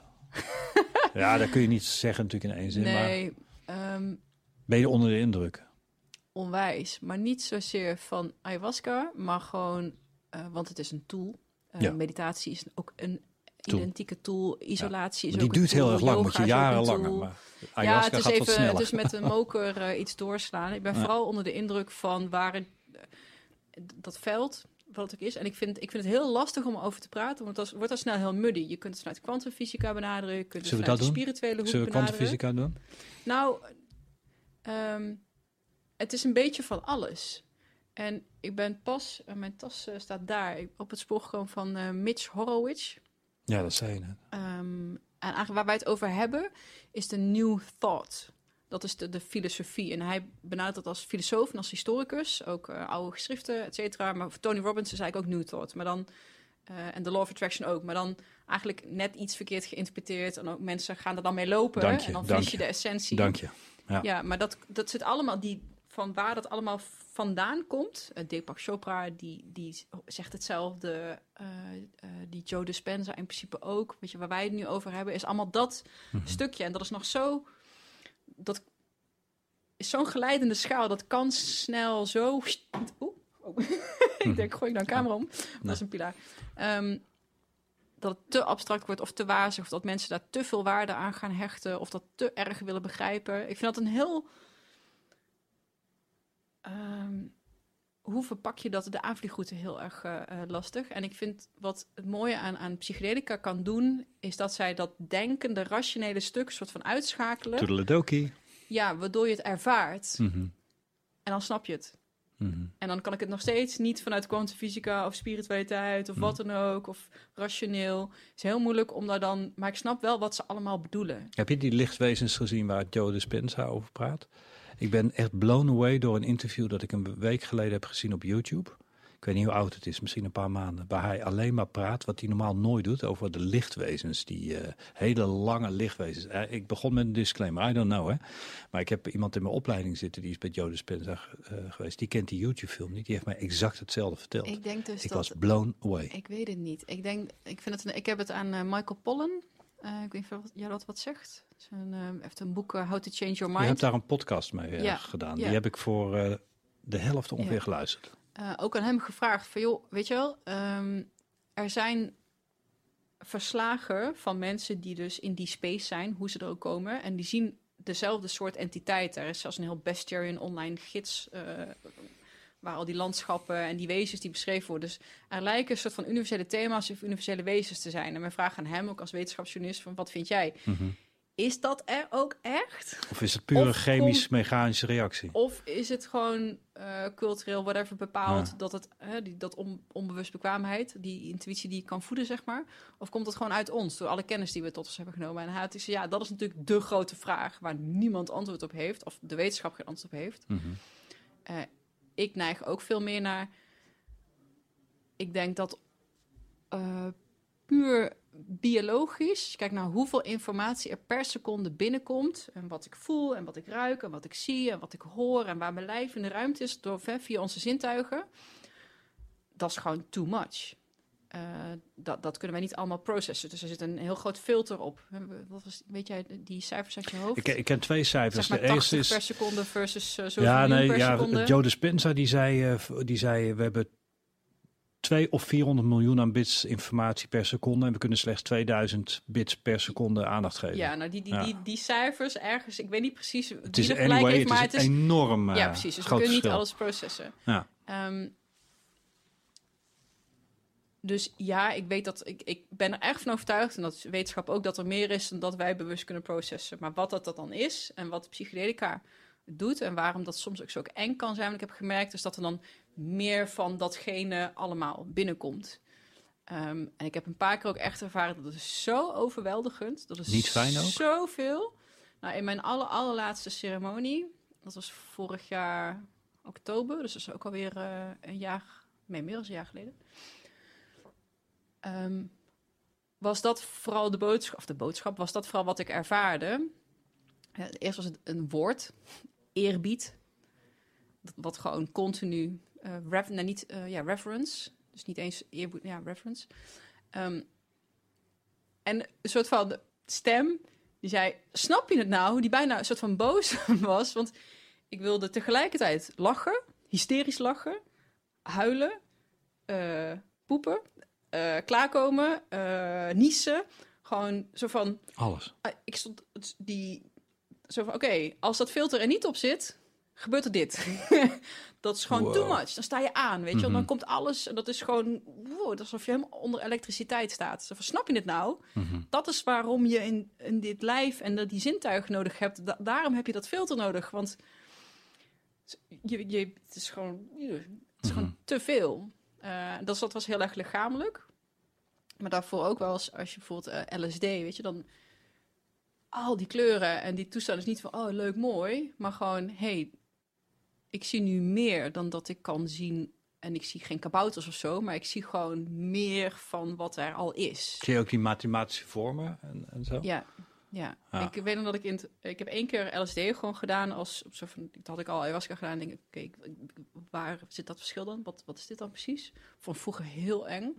Ik wil niet de controle verliezen, maar inmiddels mm -hmm. wel zelfverzekerder in mijn eigen kunnen in die space. Want ik weet dat ik niet verdwaal of dat ik uh, wel weet hoe ik terug naar huis moet komen, zeg maar. Mentaal. En ik liep door het bos en ik zag eigenlijk alleen maar een soort grid met geen diepte. En ik weet van ja, volgens mij is daar een pad en ik weet dat ik daar naar huis moet. Maar het was een soort hele fractals die in elkaar zaten. En dan denk ik echt, maar wat is dit dan, weet je wel? Um, blijkbaar is dit wat er via mijn zintuigen, via mijn ogen, in mijn hersenen. Maar alsof dan even die interpretatiefilter ertussenuit is geplukt. Zo van: oh, maar is dit dan ja. de echte realiteit? Mm -hmm. Als mijn hersenen even dit niet vervormen naar iets wat ik ken. Dus, de, de, de, dus dat je laptop. Ik heb een. Uh, uh, wat ik zie op mijn desktop is mijn operating system. Dat is niet daadwerkelijk de nulletjes en de eentjes die er in die laptop zijn. Het lijkt wel soms alsof je met psychedelica uh, dat operating system een beetje doorschijnend wordt. Want het kan natuurlijk nooit uit, want dat, dan, dan ga je kapot volgens mij. want dan ontplof je, dan komt alles binnen. Mm -hmm. Alsof het iets, het, ja, de sluier een klein beetje wordt opgelicht. Nou, heel warrig verhaal. Ik nou, totaal dat... niet, totaal oh, okay, niet, okay. totaal maar zo niet. Van, ik, ja. dat, en dat veld, ik weet niet of er een veld is, maar ik denk dat er gewoon veel meer is dan dat deze zak met botten en uh, spieren en DNA en bewustzijn kan bevatten. Ja. Nou, dat of klinkt... er dan lichtwerkers zijn of, of aliens. Ja. I don't know. Nou ja, kijk, ik ben, dan, ik ben, nou, ik ben vooral naar, op zoek naar, uh, naar de common denominators. Dat is een van mijn grootste passies ook. Wat, maakt, wat is het verschil dat verschil maakt? En wat, wat is nou een gemeenschappelijke noemer? Daarom vind ik het heel interessant om naar je te luisteren. Want ik heb duizenden uren podcasts die zitten en YouTube's en uh, Ja. honderden mensen gesproken, tientallen over dit onderwerp. Dus ik, ik, pro ik probeer nog een beetje wegwijs mezelf hierin te maken. Ik ben zelf niet bang om die controle te verliezen. Uh, dat komt wel goed. Um, ik ben meer uh, bang dat het iets blijvend voor mijn brein doet. Nou weten we vanuit wetenschap weer dat LSD helemaal niets met je brein doet en niks kapot maakt. Sterker nog, het, maakt, het kan juist openen. Ja, ja het is bizar ook wat, wat, wat de, uh, ik weet niet of ik goed uitspreek, psilocybin, hoe heet dat? Psilocin? Psilocybin? Ja, ja. Dus de, de, de magic ja. mushroom? Ja, ja, ja. ja. Dat, wat dat voor, uh, voor goede dingen kan doen voor mensen met uh, enge dingen die ze hebben meegemaakt met trauma's. Ik Ja, werk met, met ja, ja, mannen die uh, van oorlogen terugkomen. Af en toe Ja, help ik. PTSS. Ja, Ja. dat, dat doe ik pro deo. Vind ik heel mooi om te doen. En dan, dan, dan zie je dat het meestal verlichting geeft. Maar dan denk ik wel bij mezelf, eh, ja, maar de techniek en de wetenschap is wat verder. Dan moet gewoon één of twee keer een pil in. En dan hebben ze gewoon een paar heftige Maar dat is er nu, vragen. Ja, Hou ja, dat een ja, beetje bij, dat hele psychedelische, Ja, therapeutische toepassing van psychedelica? Maar weet je dan ook, eh, weet je dan ook de juiste plekken? Want de reden. Ja, dat zijn ze dus nu aan het opzetten. Ehm, ik heb laatst, werd ik eh, voor, eh, na het nieuws, mocht ik iets vertellen over microdoseren. Ja. Ehm, en dan zat een, een ketamine-onderzoekster zat er aan tafel. En die behandelde mensen die, mensen die therapieresistente depressie hadden. Mhm. Dus echt uitbehandeld, eh, niks helpt. Eh, met ketamine, dus ook een psychedelica. En aan Ja. de andere kant van de tafel van mij zat een eh, meneer en die eh, was nu bezig om eh, trials te doen, dus proeven te doen, wetenschappelijk onderzoek te doen met MDMA voor Mhm. PTSS. Mhm. In er zijn al, Nederlander? al, het zijn alle twee Nederlanders. Ik heb ze ook uitgenodigd voor de, voor de podcast. Oh, dan ga ik luisteren, dat wil ik horen. Ja, en dat is allemaal echt gewoon aan het uitrollen nu. Dus het is Mhm. er nog niet, maar dat is echt, echt, echt een kwestie van tijd. Want die protocollen die zijn er al, de resultaten zijn er al. Het, er moet nog heel veel gebeuren, denk ik, in het publieke, het publieke opinie, of het Mhm. wel of niet kan. Mhm. Maar dat gaat geen tien jaar meer duren. Ik denk dat dat in één keer heel eh, snel kan gaan. Fantastisch. En, eh, Ja joh, geweldig. Kijk, het zijn twee redenen waarom ik eh, al eh, nou, 15 of 20 jaar niet, eh, niet blow. De, en de eerste is, eh, mijn werk is topsport. Dus ik moet super scherp zijn. Maar de tweede reden is, en is dat eh, waar nu een behoorlijke uitdaging in zit, is dat pesticiden worden gebruikt en die, die, die wietplanten gewoon eh, levensgevaarlijk worden. De wietplanten op zich niet. Maar ik heb een paar keer nu gehoord dat je van de, de pesticiden op marihuana en zo, dat je daar eh, psychotisch van zou kunnen worden en dat daar schade van zou kunnen ontstaan. Ja, Even ja, terug, ja. Naar, even terug naar, naar al die, die, die prachtige middelen die al duizenden jaren oud zijn en die gaan komen. Als, En, en die, DM die de DMT eh, aanmaken ook stimuleren. Want daar Zeker, want eigenlijk, doen we, het- eigenlijk doet die pijnappelklier het zelf na twintig jaar mediteren en een paar eh, pseudo, pseudo of echte verlichtingen. Eh, het kan allemaal sneller. Ehm, ja, wij, dat zijn lichaams-eigen stofjes ook. Ja, precies. Da- daar zitten heel veel receptoren in het brein die, die met die, nou, dat hoef ik jou niet verteld, die, die daarmee om kunnen gaan. Ja, En hoe, hoe cool is dat als, als we dan een goede plek hebben waar we dat kunnen kopen met een goed keurmerk en een controlemerk erop. eh, zodat het in ieder geval voor mij makkelijker is om het eh, te gaan doen. Omdat ik heel erg zuinig op dat kopie, eh, op dat kopie ben. en, en de de reden dat ik zei van, oh, ik heb er 18 gedaan, was meer van, en I'm still here. Ja, ja, nee, ja, nee, ja. Nee. niet, niet, misschien was ik wel vele malen scherper of beter, Ja. whatever geweest, als ik dat Ja, niet had nee, gedaan. ayahuasca is in. Dat is, eh, dat, dat, dat, dat, is de eerste op de shortlist die wordt, wordt gedaan, ja. Ja, Maar- maar, Hoe, dat, dat quantum field, hè, van, Ja. los van wat, of het bestaat en hoe het bestaat. nou, dat het bestaat, dat, dat, dat is al een feit. Dat durf ik wel als feit. Hoe kan je die relatie daartoe eh, vormgeven of dat in, nou, inzetten? Klinkt een beetje, Nou. maar eh, is geen gekke vraag. Nou, het inzetten voor je eigen gewin, dat, dat, wilde, ik, dat wilde ik niet zeggen. Maar hoe, hoe kan je dat voor je laten werken? Misschien dat ik dat zo. eh, zo Nou, daar heb moet ik een eigen idee over. Maar weer die disclaimer, I don't know. Maar dat is een optelsom van 25 jaar zoeken. Soms gewoon dag en nacht zoeken. Dat is wel weer het mooie van ons vak. Ehm, ik denk, waar we het over hadden, over die gedachtengolven. En, en, en, en als je het dan heel chemisch bekijkt, ja, het zijn moleculen die in beweging zijn. En de molecuul heeft zeker een energetisch en elektromagnetisch veld om zich heen. Dus dat doet iets verder dan, dan waar je huid stopt. En dat kan, kan jij oppakken, want jij stopt ook niet waar je huid stopt. Jij bent gewoon een verzameling moleculen die hebben besloten, of eigenlijk moet ik zeggen cellen die hebben besloten maar even bij elkaar te blijven. Evolutionair gezien eh, is dat zo geëvolueerd dat Ja. we bij elkaar blijven. Ja, ei- eigenlijk wel. Ehm, denk ik. But I don't know. Ehm, maar ik denk uiteindelijk dat ehm, visualisatie niets anders dan een onderdeel van het denken. Eh, dat je continu onbewust doet, maar ook bewust kan inzetten. Dat dat dus iets met je brein doet. Dus iets met de pijnappelklier doet. Dus iets met de neurale circuit, circuitjes doet. Dus iets met de molecuultjes en de atoompjes doet. Dus ook iets met het elektromagnetisch veld doet. Ik denk dus dat met visualisatie, eh, mits gekoppeld aan actie. En dat had ik een beetje tegen op de film van The Secret. Want er wordt niet alles verteld. Want soms is het ook gewoon bloody hard work. En vallen en opstaan.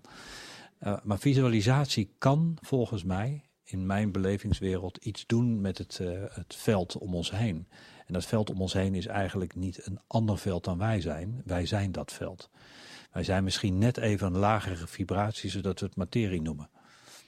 In Delft mooi eh, fundamenteel onderzoek naar kwantumdeeltjes gedaan. Erg interessant. Um, dus ik denk dat, dat wij met gedachten dat veld kunnen besturen. Toch weer even terug naar Sam Harris. Sam Harris die zegt dat er geen vrije wil is. Dat is ook heavy. Ik krijg het niet zo mooi uitgelegd als hij. Hij is en slimmer en weet er veel meer van en is er langer mee bezig. Maar hij zegt dus dat dat, dat een heel ander spelletje is. Vrije wil bestaat niet. Het is allemaal uh, geïnterconnect met, uh, met, met, uh, met wat je daarbuiten ziet. Dat uiteindelijk ervoor zorgt dat er binnen iets gebeurt. En dat noem je dan vrije wil. Als je dat doortrekt, weet ik niet waar het begint. Of het nou bij jou begint, bij mij begint, in het veld begint. Of het is er altijd al geweest. I don't know. Mm. Maar ik leef in de overtuiging, en dat doe ik al 25 jaar lang.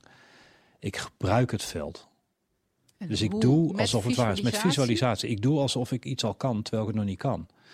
Nou, we weten vanuit de werking van het brein uh, en, en de kleine hersenen, riedel. Visualisatie heeft effect op, op, op je motoriek. Want je kunt jezelf voorprogrammeren. Je, je weet dus geen ander hoe het zit met spiegelneuronen. Die, die zijn er ook niet alleen om empathie in te voelen. Die zijn er ook om dingen te kunnen leren. Dus als ik jou iets zie doen en ik denk bij mezelf... terwijl ik het onbewust heb opgenomen en bewust heb opgenomen... ik denk, ik doe alsof ik dit al twintig jaar kan. Dan denk ja, je dat je we, sneller leert. We, we, kunnen het als mens. Dus wij hebben spiegelneuronen. En die zijn bedoeld ook om, om, om te, te kunnen overleven. Om gedrag van je moeder en je ouders. En dat, dat, dat is een feit. Ja, ik, ik, kan je helemaal volgen. Ik denk dat ik er zelfs misschien nog één element aan toe moet voegen. Het is visualiseren, het is actie en het is overtuiging. Mag ik daar iets over zeggen, overtuiging? Even checken of we hetzelfde bedoelen.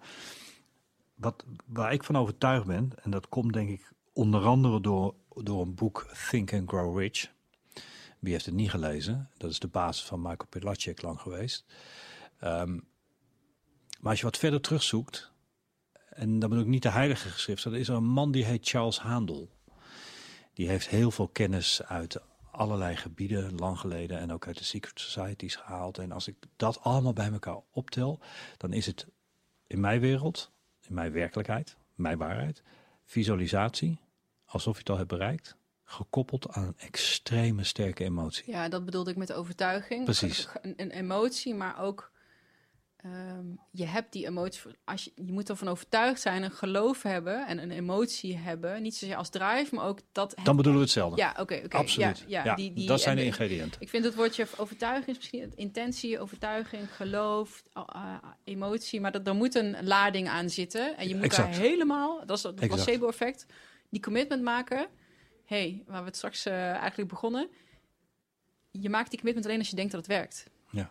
En dat bedoel ik ook met die overtuiging en ook die, emo die emotie erachter. Want we maken die commitment alleen maar, we hebben die overtuiging alleen maar als we ook die, die wens hebben om aan de andere kant te komen, zeg maar. Burning desire noemen ze dat in die oude, uh, oude boeken over personal development. Ik, uh, ik moet even de neigingen onderdrukken. Nee, ik ga het gewoon doen. Ja, doe maar. pak, pak alles wat je hebt. Nou, overbruggen. Tussen mijn ochtendafspraak en dit. En ik ga hem je even laten zien. Oh, misschien kan ik hem ook even kijken. ik voel me helemaal zo'n uh, Goedemorgen Nederland uh, host. Dit boek, ik weet zeker, als jij begint met lezen... Dit is alsof je uh, Napoleon Hill een podcast laat opnemen met uh, onze grote helden. en daar een boek over laat schrijven door Michael Pollan. Cool. Dus het is... Het ik is, heb hem niet het gelezen. Het is helemaal wat de, de New Thought weggestript oh, van alle marketing en van alle fluff en van alle bullshit. Door, en ik denk, als ik zeg maar uh, vroeger of zo, denk ik, oké, ik, ik, ik wil gewoon in deze man zijn, uh, zijn belief system. Dit is mijn belief system. Dit is, dit is waarschijnlijk ook uh, de samenvatting van jouw zoektocht. Cool. Oh, wat gaaf. En het is, het is heel wetenschappelijk, maar niet droog. En informatierijk, maar niet... Ja, ik weet niet. Super dank voor dus deze tip. En hij heeft dus ook over uh, visualisatie.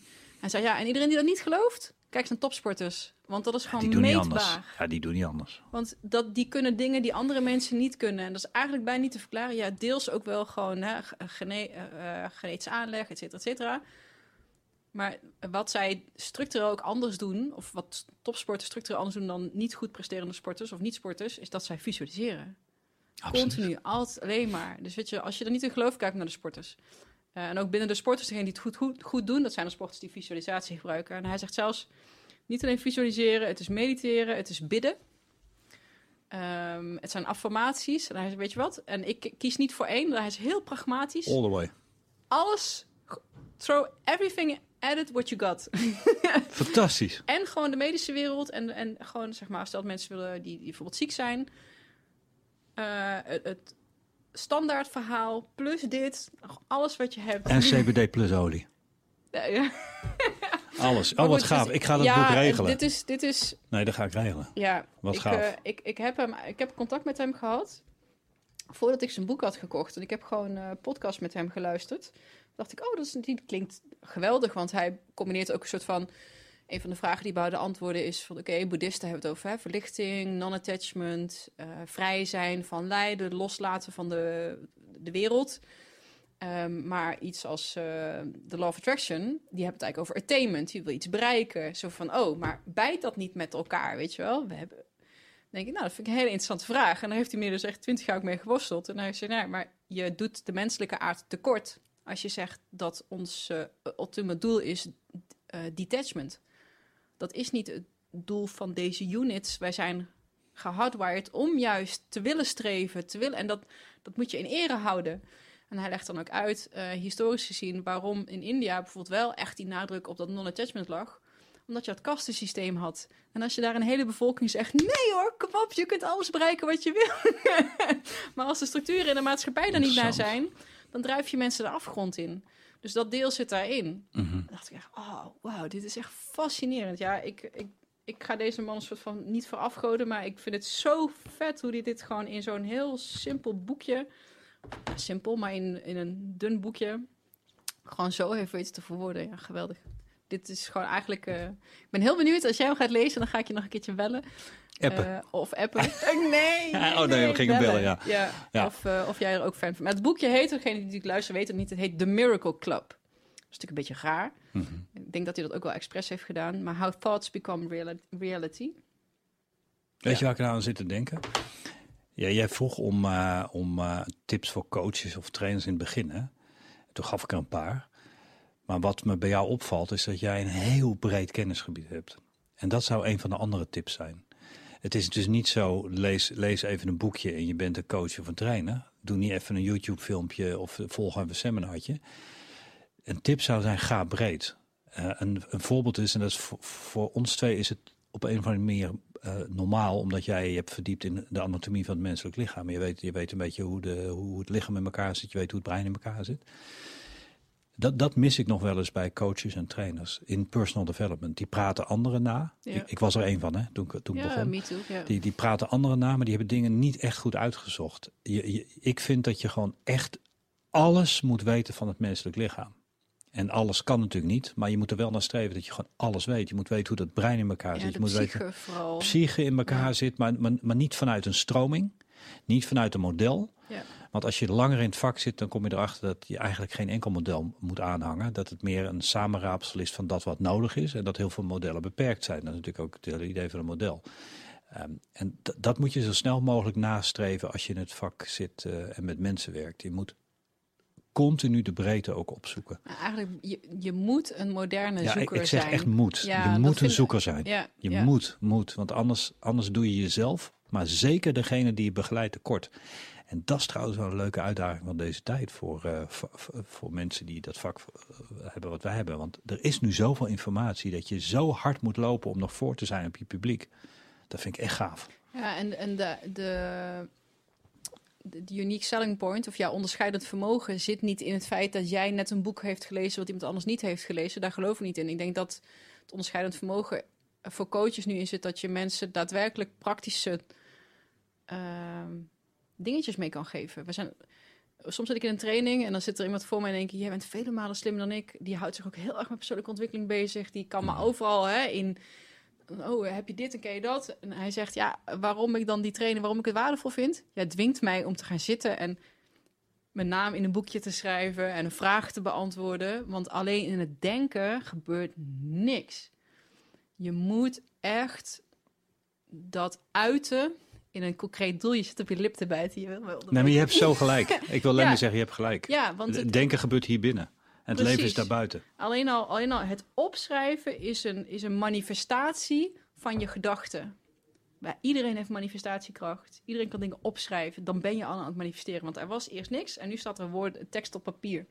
Zo waar. En, en dat is in het allerkleinste vorm, is dat de manifestatiekracht waar, waar denk ik ook een, eh een Deepak Chopra en Joe Dispenza het over hebben. Van gedachten kunnen echt werkelijkheid worden. Kijk maar, je schrijft ook Maar ik vind op dit een briefje. belangrijk. Dat is belangrijk. Ja, maar ik zei- en ook, het, eh, je moet een, ergens naartoe werken, een doel hebben. Want dit blijft maar gewoon, zeg maar. Mag ik daar nog iets bij zeggen? Ja. Dat, maar dat, dat hangt ook af van, van, van... Ik zal je een voorbeeld geven. Wayne Dyer. Ik weet niet helemaal of, ik, of het helemaal klopt wat ik zeg. Maar de strekking is ongeveer wat ik zeg. Wayne Dyer heeft heel veel mooie boeken geschreven. Heel veel mensen aangeraakt. En is, is, eh, eh, is overleden een aantal jaar geleden. Ik heb ook heel veel aan zijn boeken gehad. Wayne Dyer had het over loslaten en eh, niet morgen, maar nu. En dingen komen naar je als ze naar je moeten komen. Best wel spiritueel. Maar nou komt er maar. Toen hij zijn eerste boek schreef en niemand kocht het, wilde hij een bestseller hebben. Dus hij heeft met al zijn vrienden een deal gemaakt dat al die vrienden in alle boekenwinkels in Amerika als een gek in één weekend al die boeken gingen opkopen. Heeft toen die boeken van zijn vrienden weer teruggekocht. Heeft heel veel geld gekost. Is langs de weg boeken gaan verkopen en is er financieel ingegaan. Dit staat dus niet in, in een van zijn laatste boeken. En daar moeten we voor oppassen. Ja, We moeten dus oppassen voor goeroes. We moeten oppassen voor mensen die, die, die boeken schrijven. En, ehm, en dan gearriveerd zijn en eigenlijk niet vertellen. En doen ze misschien niet expres, maar niet vertellen welke prijs ze hebben betaald. Dus visualisatie alleen is niet genoeg. Je moet gewoon heel hard werken. Er is nog nooit een probleem opgelost door het probleem te begrijpen.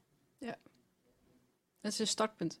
Het kan een Het, is, startpunt zijn. het kan een startpunt zijn, Ja. maar, maar als, jij, als jij een probleem hebt in privé of zakelijk en je gaat naar een training en je hebt een trainer die je uitlegt hoe het probleem ontstaan is, tot en met je jeugd aan toe en je begrijpt het, is het dus niet opgelost. Nee. Het is wat jij zegt, het moet gemanifesteerd worden daarbuiten. Aan denken heb je relatief weinig. Het enige wat je aan denken hebt is dat de tijd eh, in een andere vorm aan je voorbij gaat. Maar je krijgt niet meer terug. Maar je moet iets doen. Je kunt denken wat je wil, maar als je honger hebt moet je iets in je mond stoppen. En dat is ook gelijk een van de moeilijkste dingen binnen personal development. En waar wij als coaches en trainers dus elke keer gechallenged worden, is mensen die eerste stap laten maken en dan ook nog de vervolgstap, vervolgstappen laten maken. Eh, maar niet louter en alleen door te motiveren. Want dat is, dat is een warm bad. Dan stap je in en dat is weer afgelopen. Mensen inspireren dat, dat ze dus vanuit zichzelf het willen. De overtuiging beginnen te krijgen dat ze het kunnen. En ook de skills hebben om het voor elkaar te krijgen. Helemaal eens. Oh, ja. Ja. maar dat is toch zo? Ja, Maar het is dus niet genoeg om, om uh, de secret te gaan kijken. Het is ook niet genoeg om naar jouw training of mijn training te gaan. Daar begint het. Ja, ik heb het geluk dat ik eh, sporter ben, of atleet ben. En elke sporter weet dit. Ik word niet sterker door naar die barbel te kijken. Ja, ja, ja, dat is waar, ja. Je Ja. wordt sterker door, door zware dingen op te tillen. Maar dan heb ik een vraag. Die Ja. vraag krijg ik heel vaak. Dan heb ik een vraag. Hoe, hoe, wat doe jij dan als jij eigenlijk niet meer wil? Ja, cog- cognitie zegt en ook eh, volgens mij de, de, de, de, de, de, de special forces die weten dat als je niet meer kunt, dan zit je op 40% van je kunnen. Of op 60%, een van die twee. Maar je kunt nog de helft meer. Als je dus helemaal kapot bent. Ja.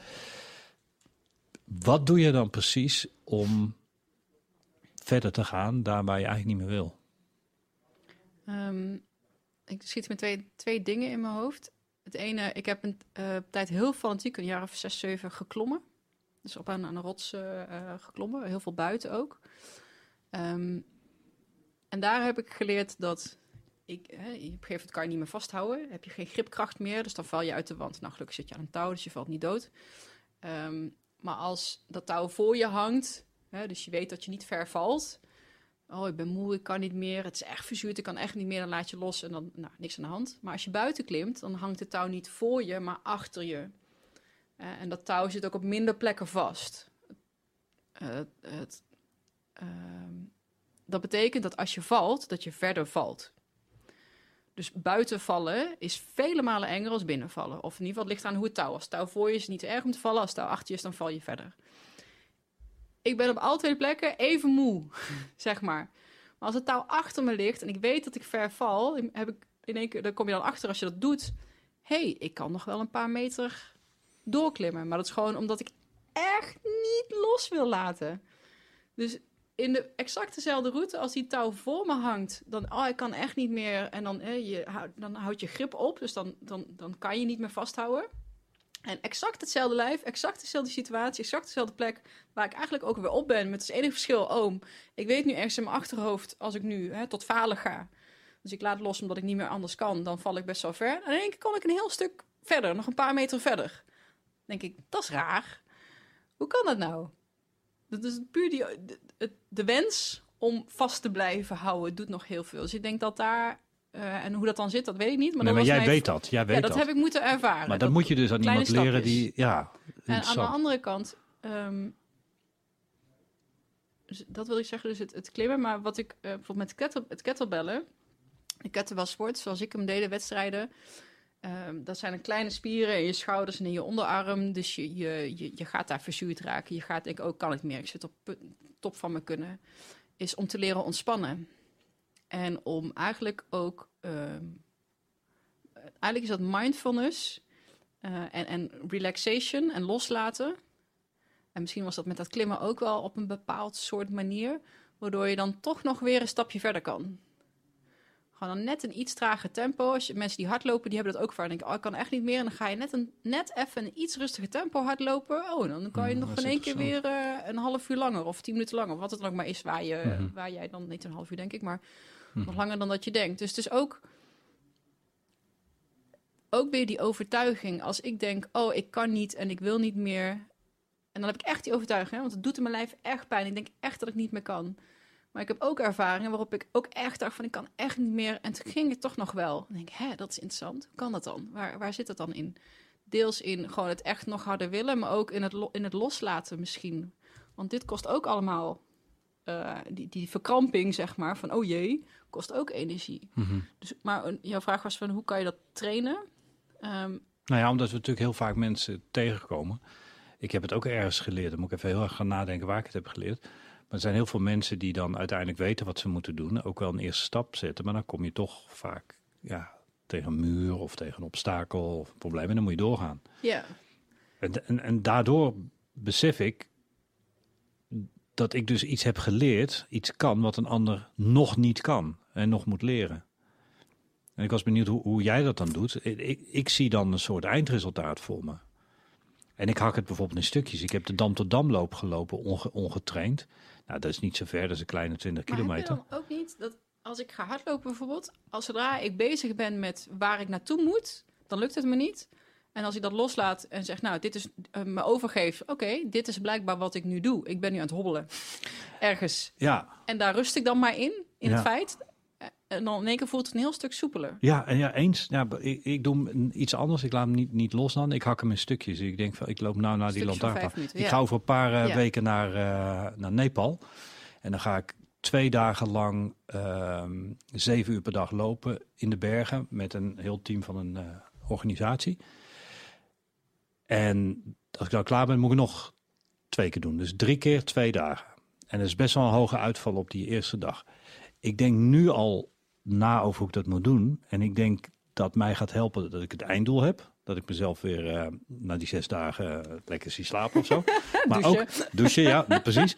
Maar, het, maar vooral de, de, de, de boel in stukjes hakken. Ja. En ik merk dat, dat sporters of duursporters dat dan ook doen. Want die zijn niet bezig met de uitkomst. Nee, die, die, zien wel de uitkomst voor zich. Ja, maar die zijn bezig met, nou ga ik naar die, ja. in mijn geval dan in uh, Nepal, ga ik naar die rots lopen. Ja. En bij de Dam tot loop dacht ik, oké, okay, die lantaarnpaal, die ga ik halen. Oh, die lantaarnpaal ja. daarachter, daar red ik ook wel. Daar zie ik een bocht. Ah, pff, eitje, die bocht ik kan ik ook nog wel pakken. dat ik volgens mij met dat klimmen hetzelfde deed. Oh, weet je, want je wil niet vallen. Bit en dan weet je, oh, nog één grapje. Nog één, uh, en nog één uh, greep. En als ik daar ben, dan kan ik weer inklikken. Dan heb ik rust en dan, kan ik, oh, dan val ik niet. Uh, dus ook, oh ja, één stap. En met hardlopen ook.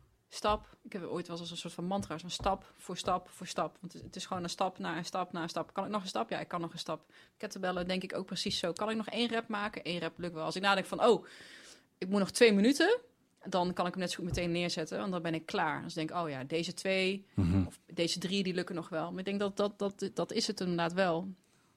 Wel het einddoel voor ogen hebben, maar niet erop gefixeerd zijn en kleine stapjes in het hier en nu maken. Mhm. Ja, ik vond het eh, leuk om het aan jou te vragen. Ik heb het aan veel mensen gevraagd, maar ik heb niet elke keer een Europees kampioen tegenover me. Dus ik, ik wil, ja, want als wij, als wij dit kunnen Ja, meegeven aan, aan misschien de luisteraar, ehm, dat er altijd meer mogelijk is en dat je, dat je de grote dingen gewoon in kleine, eh, kleine stukjes moet hakken. En Ja. dan valt het best wel mee. dat is ook wat, eh, wat, wat Mitch zegt. En als ik bijvoorbeeld kijk naar onze eigen trainingen, waarom werkt het? Je laat mensen een doel formuleren. Je laat het in stukken hakken en bij wijze van spreken in eh, eh, stukken van een week of van een maand daar naartoe werken. Maar omdat ze dat grote doel hebben gefileerd in tussenstappen, eh, verzanden ze niet in Ja, ja, de ja. zee ja. van het dagelijks leven.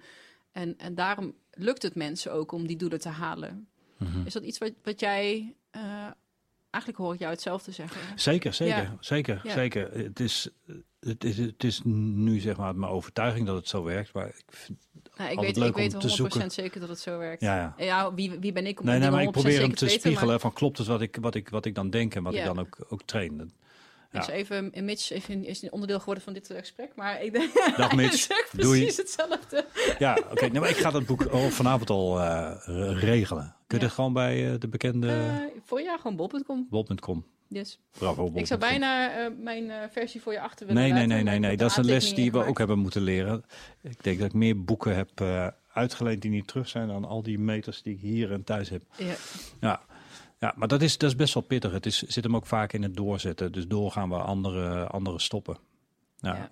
en- Maar dat, dat is niet altijd makkelijk. Dan, dan helpt een einddoel en het in stukjes hakken. Dat, dat helpt mij in ieder geval. Is, is dat voor jou de reden ook geweest van New Life University? Om, om dit soort skills, die eigenlijk niet aan bod komen in de standaard opvoeding nu, om dat aan mensen eh, mee te geven? Spot on.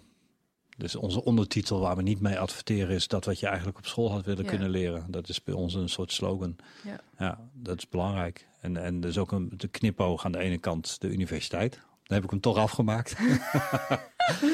Vroeger heette het University of Life en toen hebben we het veranderd in New Life University. Omdat ik eigenlijk in de New Life geloof. In de nieuwe manier van, van, van, van met elkaar omgaan en leven en eten en bewustzijn. En Mm, hele mm. Maar dat is precies... dat die stroming dus New Thought heet. Ja, ja, het all Ja, ik hou van dat soort kleine Nee, die- synchroniciteiten wel, die, die Ja, nee. knipoogjes. Daarom ben ik blij dat ik je ontmoet. Want Ja. eh, het, het, het- het- op dat vlak bevestigt het. En we zijn met hetzelfde bezig. Daarom heb ik ook gelijk ja gezegd. Ik had je stiekem eerst gegoogeld voordat je belde. Ja, dat- shit, dat is een concurrent. Die wil ik niet aan nee, tafel zo denk ik hebben. niet. Nee, ik denk, nee, ik, nee, nee. nee, nee, nee. mij Oh, ik ga jullie zo helpen, joh. ik heb nou, absoluut. dat, dat zou Ja, voor zover je zijn. geholpen moet worden. Maar helpen ze is misschien een rotwoord. Maar nee, ik, Nou, allies, Iedereen- allies zijn, en dat is ook voor mensen die luisteren, allies, bondgenoten, zijn echt zo belangrijk. absoluut. En er is zo fucking veel geld en er is zoveel kansen en er is zoveel, moois. Als je dan formeel wil hebben, er zijn zoveel klanten. En, en juist in dit vak is het dat de persoon zijn eigen trainster of trainer uitkiest. En dat is, dat is een hele mooie match. Dus Ja. nee, ik heb je nooit als concurrent gezien. Nee, maar meer zo van, ik zie het als amplifier. Zo van, hey, ja, als ik... Als, Die wereld moet veranderd worden. Nee, maar En ook rap ook. Als, nee, maar als dat is de grote nou missie. in mijn eentje... Zo, dat voelt een beetje als vechten tegen die bierkaar. Als je als eentje probeert te zenden en Ja. als in het orkest de enige bent die eh, een andere tune speelt, zeg maar. Soms voelt dat zo. Als je begint met persoonlijke ontwikkeling en je begint met Ja. spiritualiteit en nadenken over oh, ego en projectie en reflectie en allemaal thema's die, die, die, die aan bod komen als je erin gaat verdiepen. Dan voelt het in het begin alsof jij de enige bent in een orkest die net even een andere tune Absoluut. speelt. Want daar komen mensen mee. Hè? Ja, oh, nou ja, ik, eh, ik, eh, mensen moeten wel stoppen met nieuwe knoppen duwen. Want mij lukt het wel om cent te blijven. Maar dan moet de buitenwereld ook. Die fase heb ik ook eh, vrij recentelijk nog ingezeten. Mhm. Op een gegeven moment kom erachter, hey, er zijn meer mensen die ook die, die tune spelen. En we, zijn, we, we concurreren niet met elkaar. Nee, we zijn het voor het zorgen dat de rest van dat orkest ook langzaam aan, hè, we een soort van kritieke massa, dat is die apen, ah, misschien wel weer te creëren. Dus ik geloof echt niet in concurrentie. Ik denk dat er nog veel meer van dit soort eh, bedrijven en coaches en podcasts moeten Zoveel komen. ruimte. Ja, oh, zeker podcast. En Ja. ik vind ook dat met podcasten heel veel samen moet worden gewerkt. In Amerika zie je een extreme samenwerking van bijna elke podcast-host heeft iemand op bezoek die of net een boek heeft uitgebracht, of zelf een podcast heeft, of een mix En daartussen. ze komen steeds terug. En dat wil ik in Nederland. Ik ben nu eh, afgelopen week heb ik op LinkedIn heb ik allemaal mensen gezocht die een podcast hebben. En heb ik ze voorgesteld van hey, zo kruisbestuiving doen. Ik kom in die van jou, jij komt in die van mij. Ehm, is voor hun een cadeautje, want mijn bereik is veel groter. Eh, ik heb dat gewoon weer afgekeken van mij met van Patrick Kikker, want hij deed dat bij mij toen ik net begonnen was. En omdat hij zo populair was, eh, komen er ook luisteraars bij mij terecht. En die blijven dan hangen. Dus het is een soort van olievlek die elkaar verspreidt. En heel logischerwijs reageren mensen, ja, nee. En ik, eh, ja, ik doe het alleen met mensen die ik al langer volg. En ik ken je niet. Ja, maar dat zijn eh, geen gevers. Je moet de gevers hebben. Mag ik even een heel zwart-witte ja, nee, nee. uitspraak En dan doen? denk ik, nou oké, dan niet. Dan Misschien eh, volgend jaar. De, het aanbod staat. Ja. Ik, kom, je- ik kom iets brengen. of, gevers. sorry, ik kom iets... Ja. De gevers, de drie promiel, de drie op de duizend. ja, je moet dan denken, nee, ja, kom maar. En eh, nu sta ik dus in de positie dat ik degene ben die iets kan brengen. Want zoals zeg, mijn bereik is wat groter. Dus, dus voor een startende podcast die net vijf afleveringen hebt, is dat natuurlijk te gek. En dat is dat ik mazzeltjes heb gekregen toen ik begon. Dus dat wil ik ook weer terug doen. Mooi. Ehm, waarom wil ik nou zeggen? Ja. Wat, eh, uh, waarom doe ik dat? En kijk naar dezelfde Amerikaanse podcast. Ik ben echt onwijs fan van eh, Joe Rogan, maar ook van Aubrey Marcus, Duncan Trussell, ehm, Corey Allen. Dat zijn eigenlijk een beetje de vier, de vier grote. En pas en onpas komen daar dezelfde gasten, zoals zo'n beetje Horowitz bij eh, Duncan Trussell. Die komen steeds opnieuw terug. Waardoor je ook tussen hun twee, dat zijn gewoon vrienden, maar die spreken elkaar eigenlijk alleen maar in de podcast. In de podcast, ja. ja. Maar dat is onwijs cool. En dat zijn mensen die hebben wat te vertellen, die hebben brede interessegebieden. En dan duiken ze één keer weer in dat onderwerp in en dat en dat. En dat is te gek. Dat maakt dat eh, die, die, die kritieke massa die we zo willen, dat van het gedachtegoed alleen maar sterker. Dan denk ik, oh, dat wil ik in Nederland ook. En ik heb dus dat nu met eh Eddie van de Helden en Hordes eh, podcast. Eh, nu over de apps. Van oké, wij gaan, wij moeten eigenlijk gewoon één keer in het kwartaal, of hoe het maar uitkomt, gewoon samen een podcast opnemen en gewoon reflecteren op de gesprekken die we hebben gehad. Vier weet je wel? vette microfoons hier. Oh ja, Bij nou, deze. Daar had ik Bij nog helemaal deze. niet. eh, Ja, nee, dat snap ik en ik ook niet. En dat is het mooie van de gevers. Die denken er niet over na. Maar dit, dit staat dag en nacht ter beschikking als je dat wil doen. Met of zonder mij. No worries there. Oh, Ja. dat zou voor dat soort podcast zou dat wel heel cool zijn. Nou, ik heb mezelf wel voorgenomen dat, dat we moeten gaan versterken. Want wat in Amerika is, komt hier ook. Eh, en ik, het lijkt me heel gaaf als we gewoon met een paar mensen eh, eh, gewoon de- versnelling aanbrengen in de kritische massa. Ik word helemaal, ik krijg er warm van. Ik ben helemaal, ik ga Ja, nou, me too. aan. Dus, maar, weet, je, weet je wat het is? Synchroniciteiten, zei je, hè? Ja, Uitroepteken. ja. Dit is. Ja. Ja, heel gaaf. Dus dat... Oh, eh, ergens, er gaat nu ook meteen.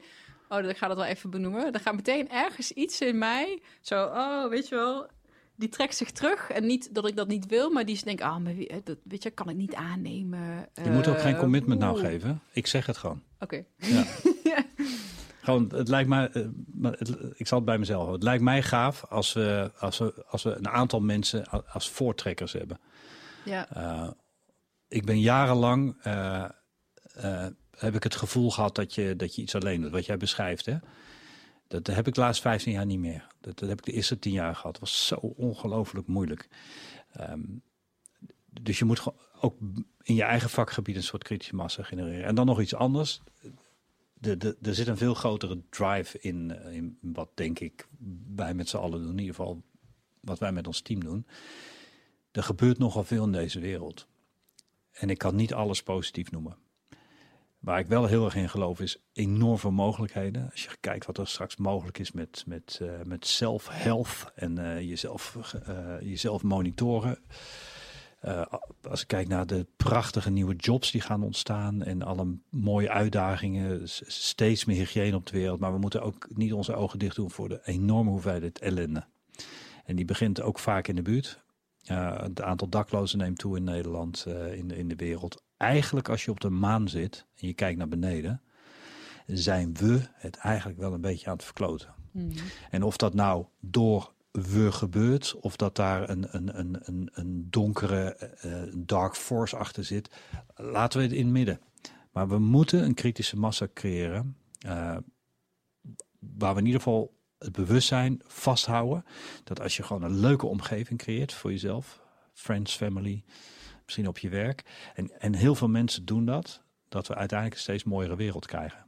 Want als we naar de grote bewegingen kijken in de wereld, dan kan ik niet zeggen dat het goed gaat. Hmm. En dat is in ieder geval bij mij al, zolang ik dit vak doe, een drijfveer.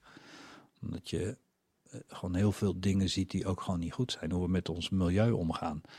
Laten we even in het midden of de, of, of de grote paniek die ontstaat volledig terecht is. Of dat er ook wat hype achter zit. Hè? Ik ben nog steeds van mening, als je in één keer overal iets in de media ziet, dan zit er iets achter. Uh, of het door de toegenomen zonnewinden komt, de elektromagnetische straling die op, en winden die op ons af worden gestuurd, die zeker iets met het milieu doen. Ik weet zeker dat vleesproductie, ik weet zeker dat de auto's en de industrie enorm veel kapot maken. Waar ik zelf ook aan meedoe. Goed, ik rij elektrisch, maar je kunt je wel afvragen hoe wordt die elektrische auto gemaakt en, en die accu die er bij mij in zit. En ik dacht ook al helemaal dat het auto's en uh, vleesindustrie was, maar ik hoor dat um, kleding ja, kleding ongelooflijk. Dat dat, dat, een... Die micro, ook die vervuiling als kleding al klaar is, die dan, die kleine stofjes die dan, dat, dat wist ik al, dat weet ik pas een paar wat, weken. Wat er geproduceerd, wat er voor nodig is om, om die gigantische hoeveelheden te, te, te, te, produceren die wij een paar keer dragen en weer een vervolgend seizoen, een volgende modevlaag. Wat daar aan energie in gaat en, en Wat een van de meest vervuilende industrieën is. Daar heb je natuurlijk geen idee van. Iedereen denkt, oh ja, auto's, weet je, je doet allemaal kleine dingetjes, maar dan tegelijkertijd staat er iets van hiding in plain sight. Oh, maar dit doet ook wat met je, weet je wel? Ja, maar, je dat, maar die optelsom, ja. eigenlijk als je die maakt, dan, dan, kunnen we wel zien, eh, kunnen we wel concluderen dat we het met z'n allen niet zo goed doen. En, en ik vind het wel heel interessant om met, met een aantal, aantal mensen, uh, en laat die groep steeds groter worden, gewoon met een heel positieve kijk op het leven, een hele mooie wereld te gaan maken. In ieder geval uh, de gesprekken uh, te openen. En ook minimaal. De, de mogelijkheden te openen is een um, um, Stephen Kotler is volgens mij de auteur van het boek. Uh, het heet Abundance. Uh, ik dacht dat het een heel spiritueel boek zou zijn over het verschil tussen overvloed en schaarste, maar het is juist een vrij technisch boek. Uh, hij heeft het geschreven samen met de oprichter van de Singularity University, even uit mijn hoofd. Ray Kurzweil. Oh nee, dan maar iemand anders uit die mm -hmm. hoek. Mm -hmm. en, en, daarbij spreekt hij dingen als uh, water, vervuiling, armoede, honger, uh, kennis. Een aantal grote, grote, grote globale thema's. Mm -hmm. um, en hoe eigenlijk, als je kijkt naar de resources die er zijn, voor al die thema's uh, in principe oplossingen zijn of oplossingen te bedenken zijn als we, als we dat, die, die resources met elkaar combinen, et cetera. Dat is een hele optimistische, positieve blik op... Hey, ja, ik snap dit probleem. Vervuiling is een gigantisch probleem. Uh, schoon drinkwater is een probleem, nou, et cetera, et cetera. En dat was zo'n fijn boek eigenlijk om te lezen. Zo van, ja, het uh, uh, we zijn aan het verkloten... En, en we moeten echt wel iets gaan doen alles is set in place ook om het te gaan doen. Ik geloof ook wel dat het kan hoor. Ja. Ik werk met Dopper uh, samen. Dus, oh, uh, een mooie organisatie. Virginia zat hier in, in, in, in onze podcast. Leuk voor je podcast. Dat is vet. Dat meisje wat de branding voor Dopper doet, gaat mij voor volgend jaar helpen met de podcast. Wat grappig dat dat ook weer... Oh, de wereld komt weer uh, alle lijntjes goed. Maar Virginia is met iets heel moois bezig. Die is bezig met single-use plastic. Dat wil niet zeggen dat er gewoon helemaal geen flesjes meer zijn en geen plastic meer is. Dan is single-use plastic ja. bevorderen. Dat is zo mooi. En ik uh, zat vanochtend in de auto een podcast te luisteren. Ik ben even zijn naam kwijt. Maar er was een, een jongen die op zijn zestiende een idee kreeg hoe hij de, de plastic soep de plastic uit het water moest halen. Die heeft nu al een paar, een paar schepen gebouwd. En die heeft nu al containers vol met plastic eruit gehaald. En hij zegt, de plastic wordt ongeveer geconcentreerd op 1, 2 procent van de oppervlakte van de zee. Dus het is niet overal. En hij heeft dus nu al een machine ontwikkeld. Hij is, hij is, hij is fucking net, net 20. Die gewoon de plastic eruit haalt. Ja. Dus we kunnen heel veel. Ja, en zo maar, zijn er talloze maar, van maar dat zijn er heel veel, maar Ja, toch, ja. het kan niet zo zijn dat een auto nu 1 op 15 rijdt en dat die 100 jaar geleden ook 1 op 15 rijdt. Dat kan niet. Dat klopt niet, daar zit iets achter. Hmm.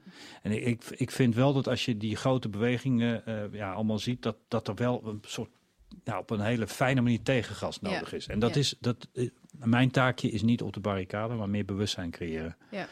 Bij mezelf en, en, en, En bij daarmee anderen. ook de mensen die je aanraakt. Eh, Ja, dat is, dat is toch wat we doen. Ja, ja we zijn niet beter, alleen Nee. we zijn boekenwurmen en we willen gewoon heel veel weten. En we, ik, ik ben obsessed door dit beroep. Al dag in dag uit, al 25 jaar lang. Sorry dat ik het een paar keer heb gezegd, 25 jaar. Maar ik vind het zo'n mooi vak. Daar wil ik nog 25 jaar aan vastplakken. Maar dat, dat doet niet iedereen. Dus het mooie bij ons dan is, mensen betalen een ticket en hebben dus al die studie niet meer nodig, want wij hebben het voor ze gefilterd en Ja. leveren het aan. Ja, het Dat is, eh, cool? het is een, een, een pressure cooker, noem ik het soms. De pressure cooker, ja. Ja, ja, gewoon, Ja, dan zeg eh, je weer iets veel korter. Ja, Nee, ja, ja, heel nee. goed. Dat vind ik knap. Dat vind ik knap. Ik zoek Maar dat. nee, maar dat. Je voelt, we begonnen zo van, oh wat knap, weet je, als interviewer, want je moet dit en dat. Ah, Ik zou je trucje, het enige wat ik doe is jou samenvatten. Is niet dat ik denk, oh dat kan je beter zeggen. Nee, maar Ik ja. probeer het gewoon samen te Ik vatten. vind het best wel pittig eh, aan jouw kant te zitten. Ik bedoel, eh, wat ik je al zei, vragen stellen is niet zo moeilijk. Nee, dat is gewoon je interesse volgen. Dat is interesse. Dat jij ook. Ja, Dat- maar, dat- maar meer van. Ja. is, het aan, is het ook interessant voor degene die luistert? En, en is dat er een moet je loslaten. Oké, Als dan het neem ik interessant voor jou is. Want ik, ik, als, ik dat, als ik erover na ga denken, oh, er zitten mensen te luisteren, wat vinden ze hiervan? Dan ben ik niet meer in het gesprek. Ehm, en dan, dan heb ik dus ruimte in mijn hoofd om, ehm, om me daar zorgen over te maken. Ik zat laatst een, eh, een, een serie te kijken waarin me dat, dat besef in één keer... en het ging over undercover eh, agenten. Eh, en ik zag iemand in die serie, een, een, een, een jongere undercover agent, een tip geven... Joh, het gaat over projectie. Als jij ruimte laat in je hoofd voor de gedachte... jij ziet dat ik eigenlijk undercover Mhm. ben... Aha. Dan, dan, dan, dan ziet hij dat ook. Je moet geen, geen ruimte ervoor laten. Je moet het helemaal Maar is dat dan- zijn. Is het En dan... dacht ik, oh, dat is eigenlijk gewoon een, de ultieme levensles voor alles. Ja, eigenlijk wel voor alles, ja.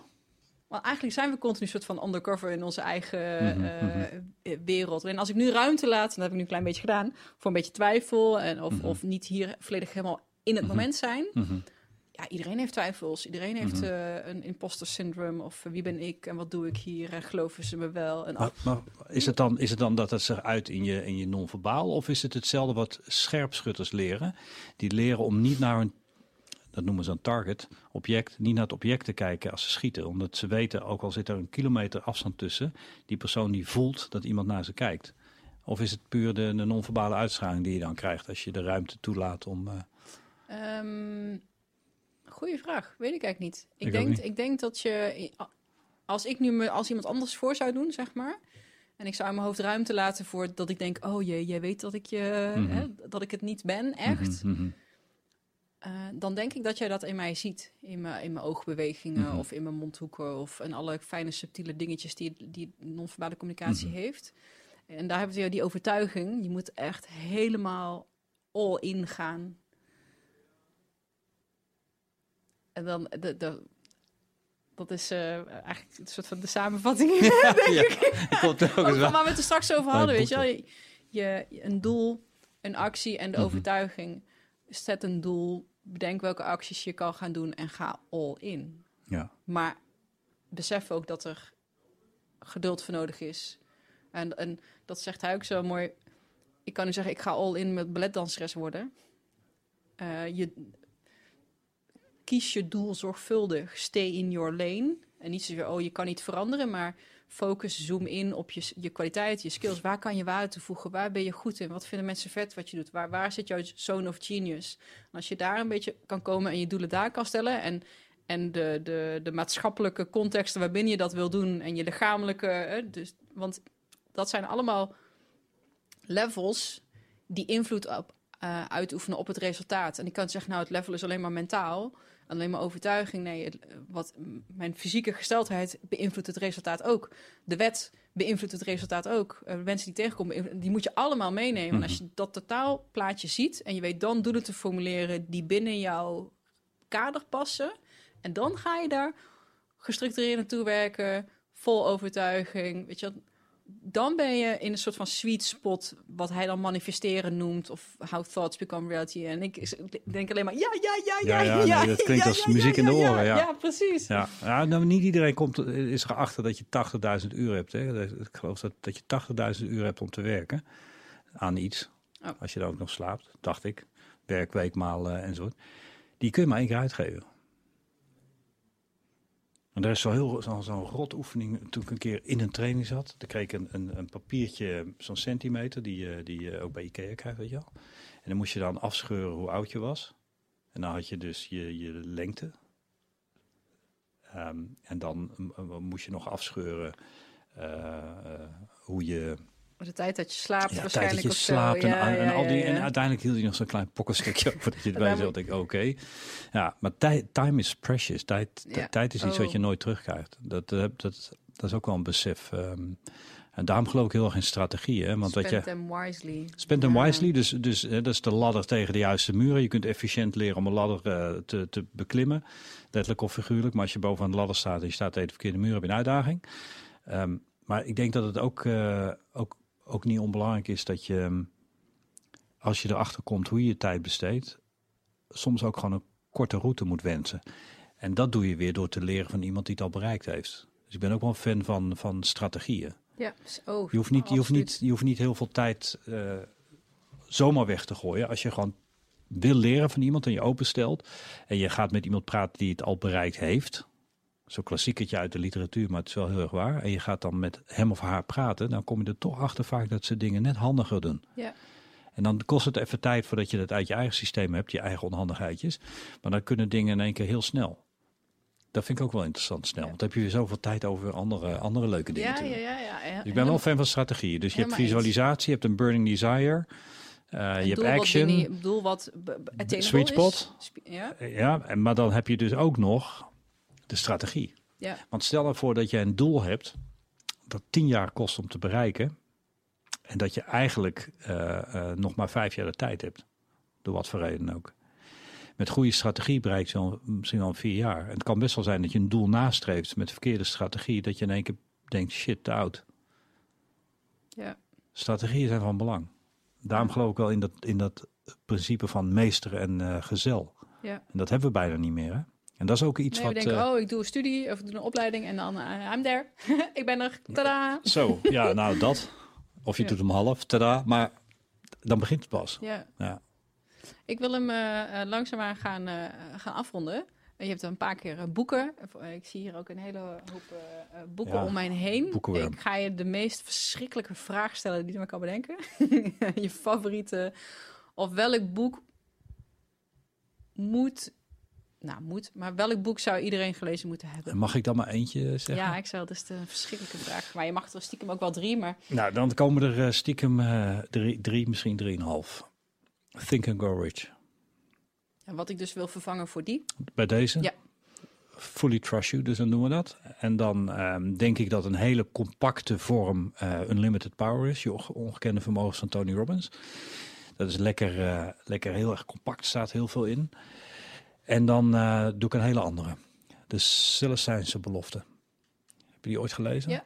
En de vervolg ook. Ik weet niet meer hoe dat Ja, daarna, tiende, eh, tiende, belo- tiende eh, inzicht. Ja, Ja, lang geleden Oh, hoor. dat hoor ik Toen niet vaak. op- Iemand die toen zoveel leest, dat is wel Toen kicken. zat ik op de middelbare school toen ik dat Ja, zag. Ja. Dat is lang geleden. Het, Ja. is, het is een reisverhaaltje. Maar voor mij was het echt eh, een totaal... Last van je nek? Nee, ik zag ik ben gisteren ge, Ja, dat needled. Gedry needled. En ik, ik wilde knikken. toen hoorde ik echt zo... Oh shit. nou, Celestijnse beloftes, Celestine prophecies, eh, was voor mij eh um, levensveranderend. Echt waar? Ja. Ik, kan dat, ik zou hem eens terug... Nee, ik heb hem niet meer. Nee, het was levensveranderend. En, en waarom? Omdat ik daar de link legde, echt de link legde met alles wat ik niet snapte, met alles is energie. Oh ja, dus alles is verbonden. Oh ja, dus telepathie is niet gek. Maar niet bewezen, zegt dat andere breintje weer. En in laboratoriumomstandigheden wordt het nooit bewezen. Ja, ja, ja. Maar ik heb wel ervaringen ervan gehad en zo. Dat. Celestijnse Eh, Bos gaat toch over dat eh, die mensen op een gegeven moment eh, zo hoog ontwikkeld zijn dat ze er niet meer zijn. Is dat de Celestijnse... Of, Dat eh, haal laatste ik weet ik niet of ze niet meer zijn. Nou, weet ik niet. Celestine Prophecy gaat er eigenlijk over, over een soort reisverhaal. Maar het gaat ook over dat mensen zijn die energie geven. Mensen zijn die energie weghalen bij je. Dus, eh, dat alles energie is. En dat aura's niet gek zijn. Want het is gewoon eh, vibratie van energie Oké. enzovoort. Dat vind ik wel... Ik weet niet of die makkelijk te krijgen is. Want hij is een tijdje niet meer te krijgen geweest. Zal nu wel weer makkelijk Ja, zijn. en ik denk in de, in de informatietijdperk nu, als je YouTube op Celestijnse beloften, zullen er vast ook Ja, allemaal maar niet de hele mooie film kijken. zijn. Maar niet, niet film kijken. Echt boek lezen. Nee, ja, ja oké, check. Ja, is echt, eh, echt gaaf. Dat met Unlimited Power en eh The zei Miracle Club. drieënhalf. Dus wat, waar zit de halve? Welk boek moet ze voor de helft lezen? Ja, en dat, dat is ook weer zo'n klassieker. Het is, ik, ik, daar kan ik heel veel boeken opgeven, maar ik, wat ik heel mooi boek vind, is toch de zeven eigenschappen van effectief leiderschap. Het is ni niks nieuws wat hij daar beschrijft, hoe hij is overleden, Stephen Covey. Ik heb hem één keer ontmoet. Oeh, powerful man. Hij was in de Mm. arena. Ongelooflijk. Dat spat er charisma vanaf. Ook als je hem niet zou kennen, volgens mij. Anyway, dat boek is echt mooi. Want dat geeft handvatten hoe je je leven een beetje kunt indelen. Ja. En hij heeft dat in een heel mooi jasje gegoten. En dan noemt hij dan de Seven Habits of Highly Effective People.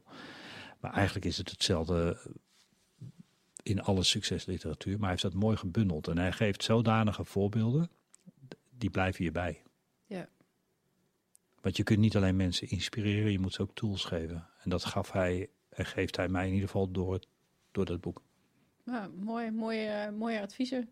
Celestijnse belofte had ik nog niet, nog niet, nog niet gehoord. Dus eh, ja, dankjewel daarvoor. Sowieso bedankt voor de, voor de gastvrijheid en de tijd. En eh, volgens mij eh, kunnen we nog wel, nog wel een paar podcasts mee vullen. Het begint net. Ja. Heel graag gedaan. Ik vind het echt heel tof en een eer dat je. Wil je, wil je uitnodigt. kort eh, vertellen waar mensen jou kunnen vinden? New Life University is een paar keer eh, gevallen. Wil je daar kort... Is- deze is nu voor jou.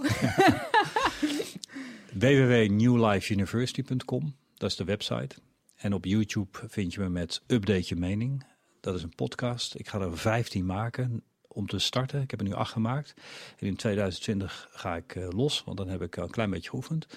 Ehm, en op YouTube vind je nog andere, ander materiaal. Maar ik ben helemaal niet zo goed in reclame maken. Nee, nou goed. Newlifeuniversity.com. Newlifeuniversity.com. En het meeste van wat we doen zie je niet, omdat we heel diep in het bedrijfsleven zitten. Ik coach heel veel bekende en onbekende eh, CEO's en zo van bedrijven. En daar haal ik eigenlijk de kennis Ja. uit die high performance omgeving en die train ik op de New Life University in een eh, opleiding die wij Power Trail noemen. Het leven samengevat in 15 dagen met topstrategieën. Nou, hoe is die pitch? Ja, geweldig. Als mensen nu niet gaan kijken, dan, eh, dan weet ik het ook niet meer. Super, dankjewel. Jij ook. Dat was hem. Dankjewel voor het luisteren. En je bent tot het einde gekomen, dus ik hoop dat je hier waardevolle inspiratie uit hebt gehaald. En als dat zo is, eh, voel je vrij om bijvoorbeeld een eh, screenshotje te delen op je, in je Instagram stories of mij een berichtje te sturen. Of om je te abonneren of uiteraard een fijne review of 5 sterren rating voor me achter te laten. Daar maak je mij ontzettend blij mee namelijk. Rest mij niks anders dan te zeggen: geniet van je dag, enjoy life. eh, en onthoud, the story can wait. Sit back, relax and enjoy the ride.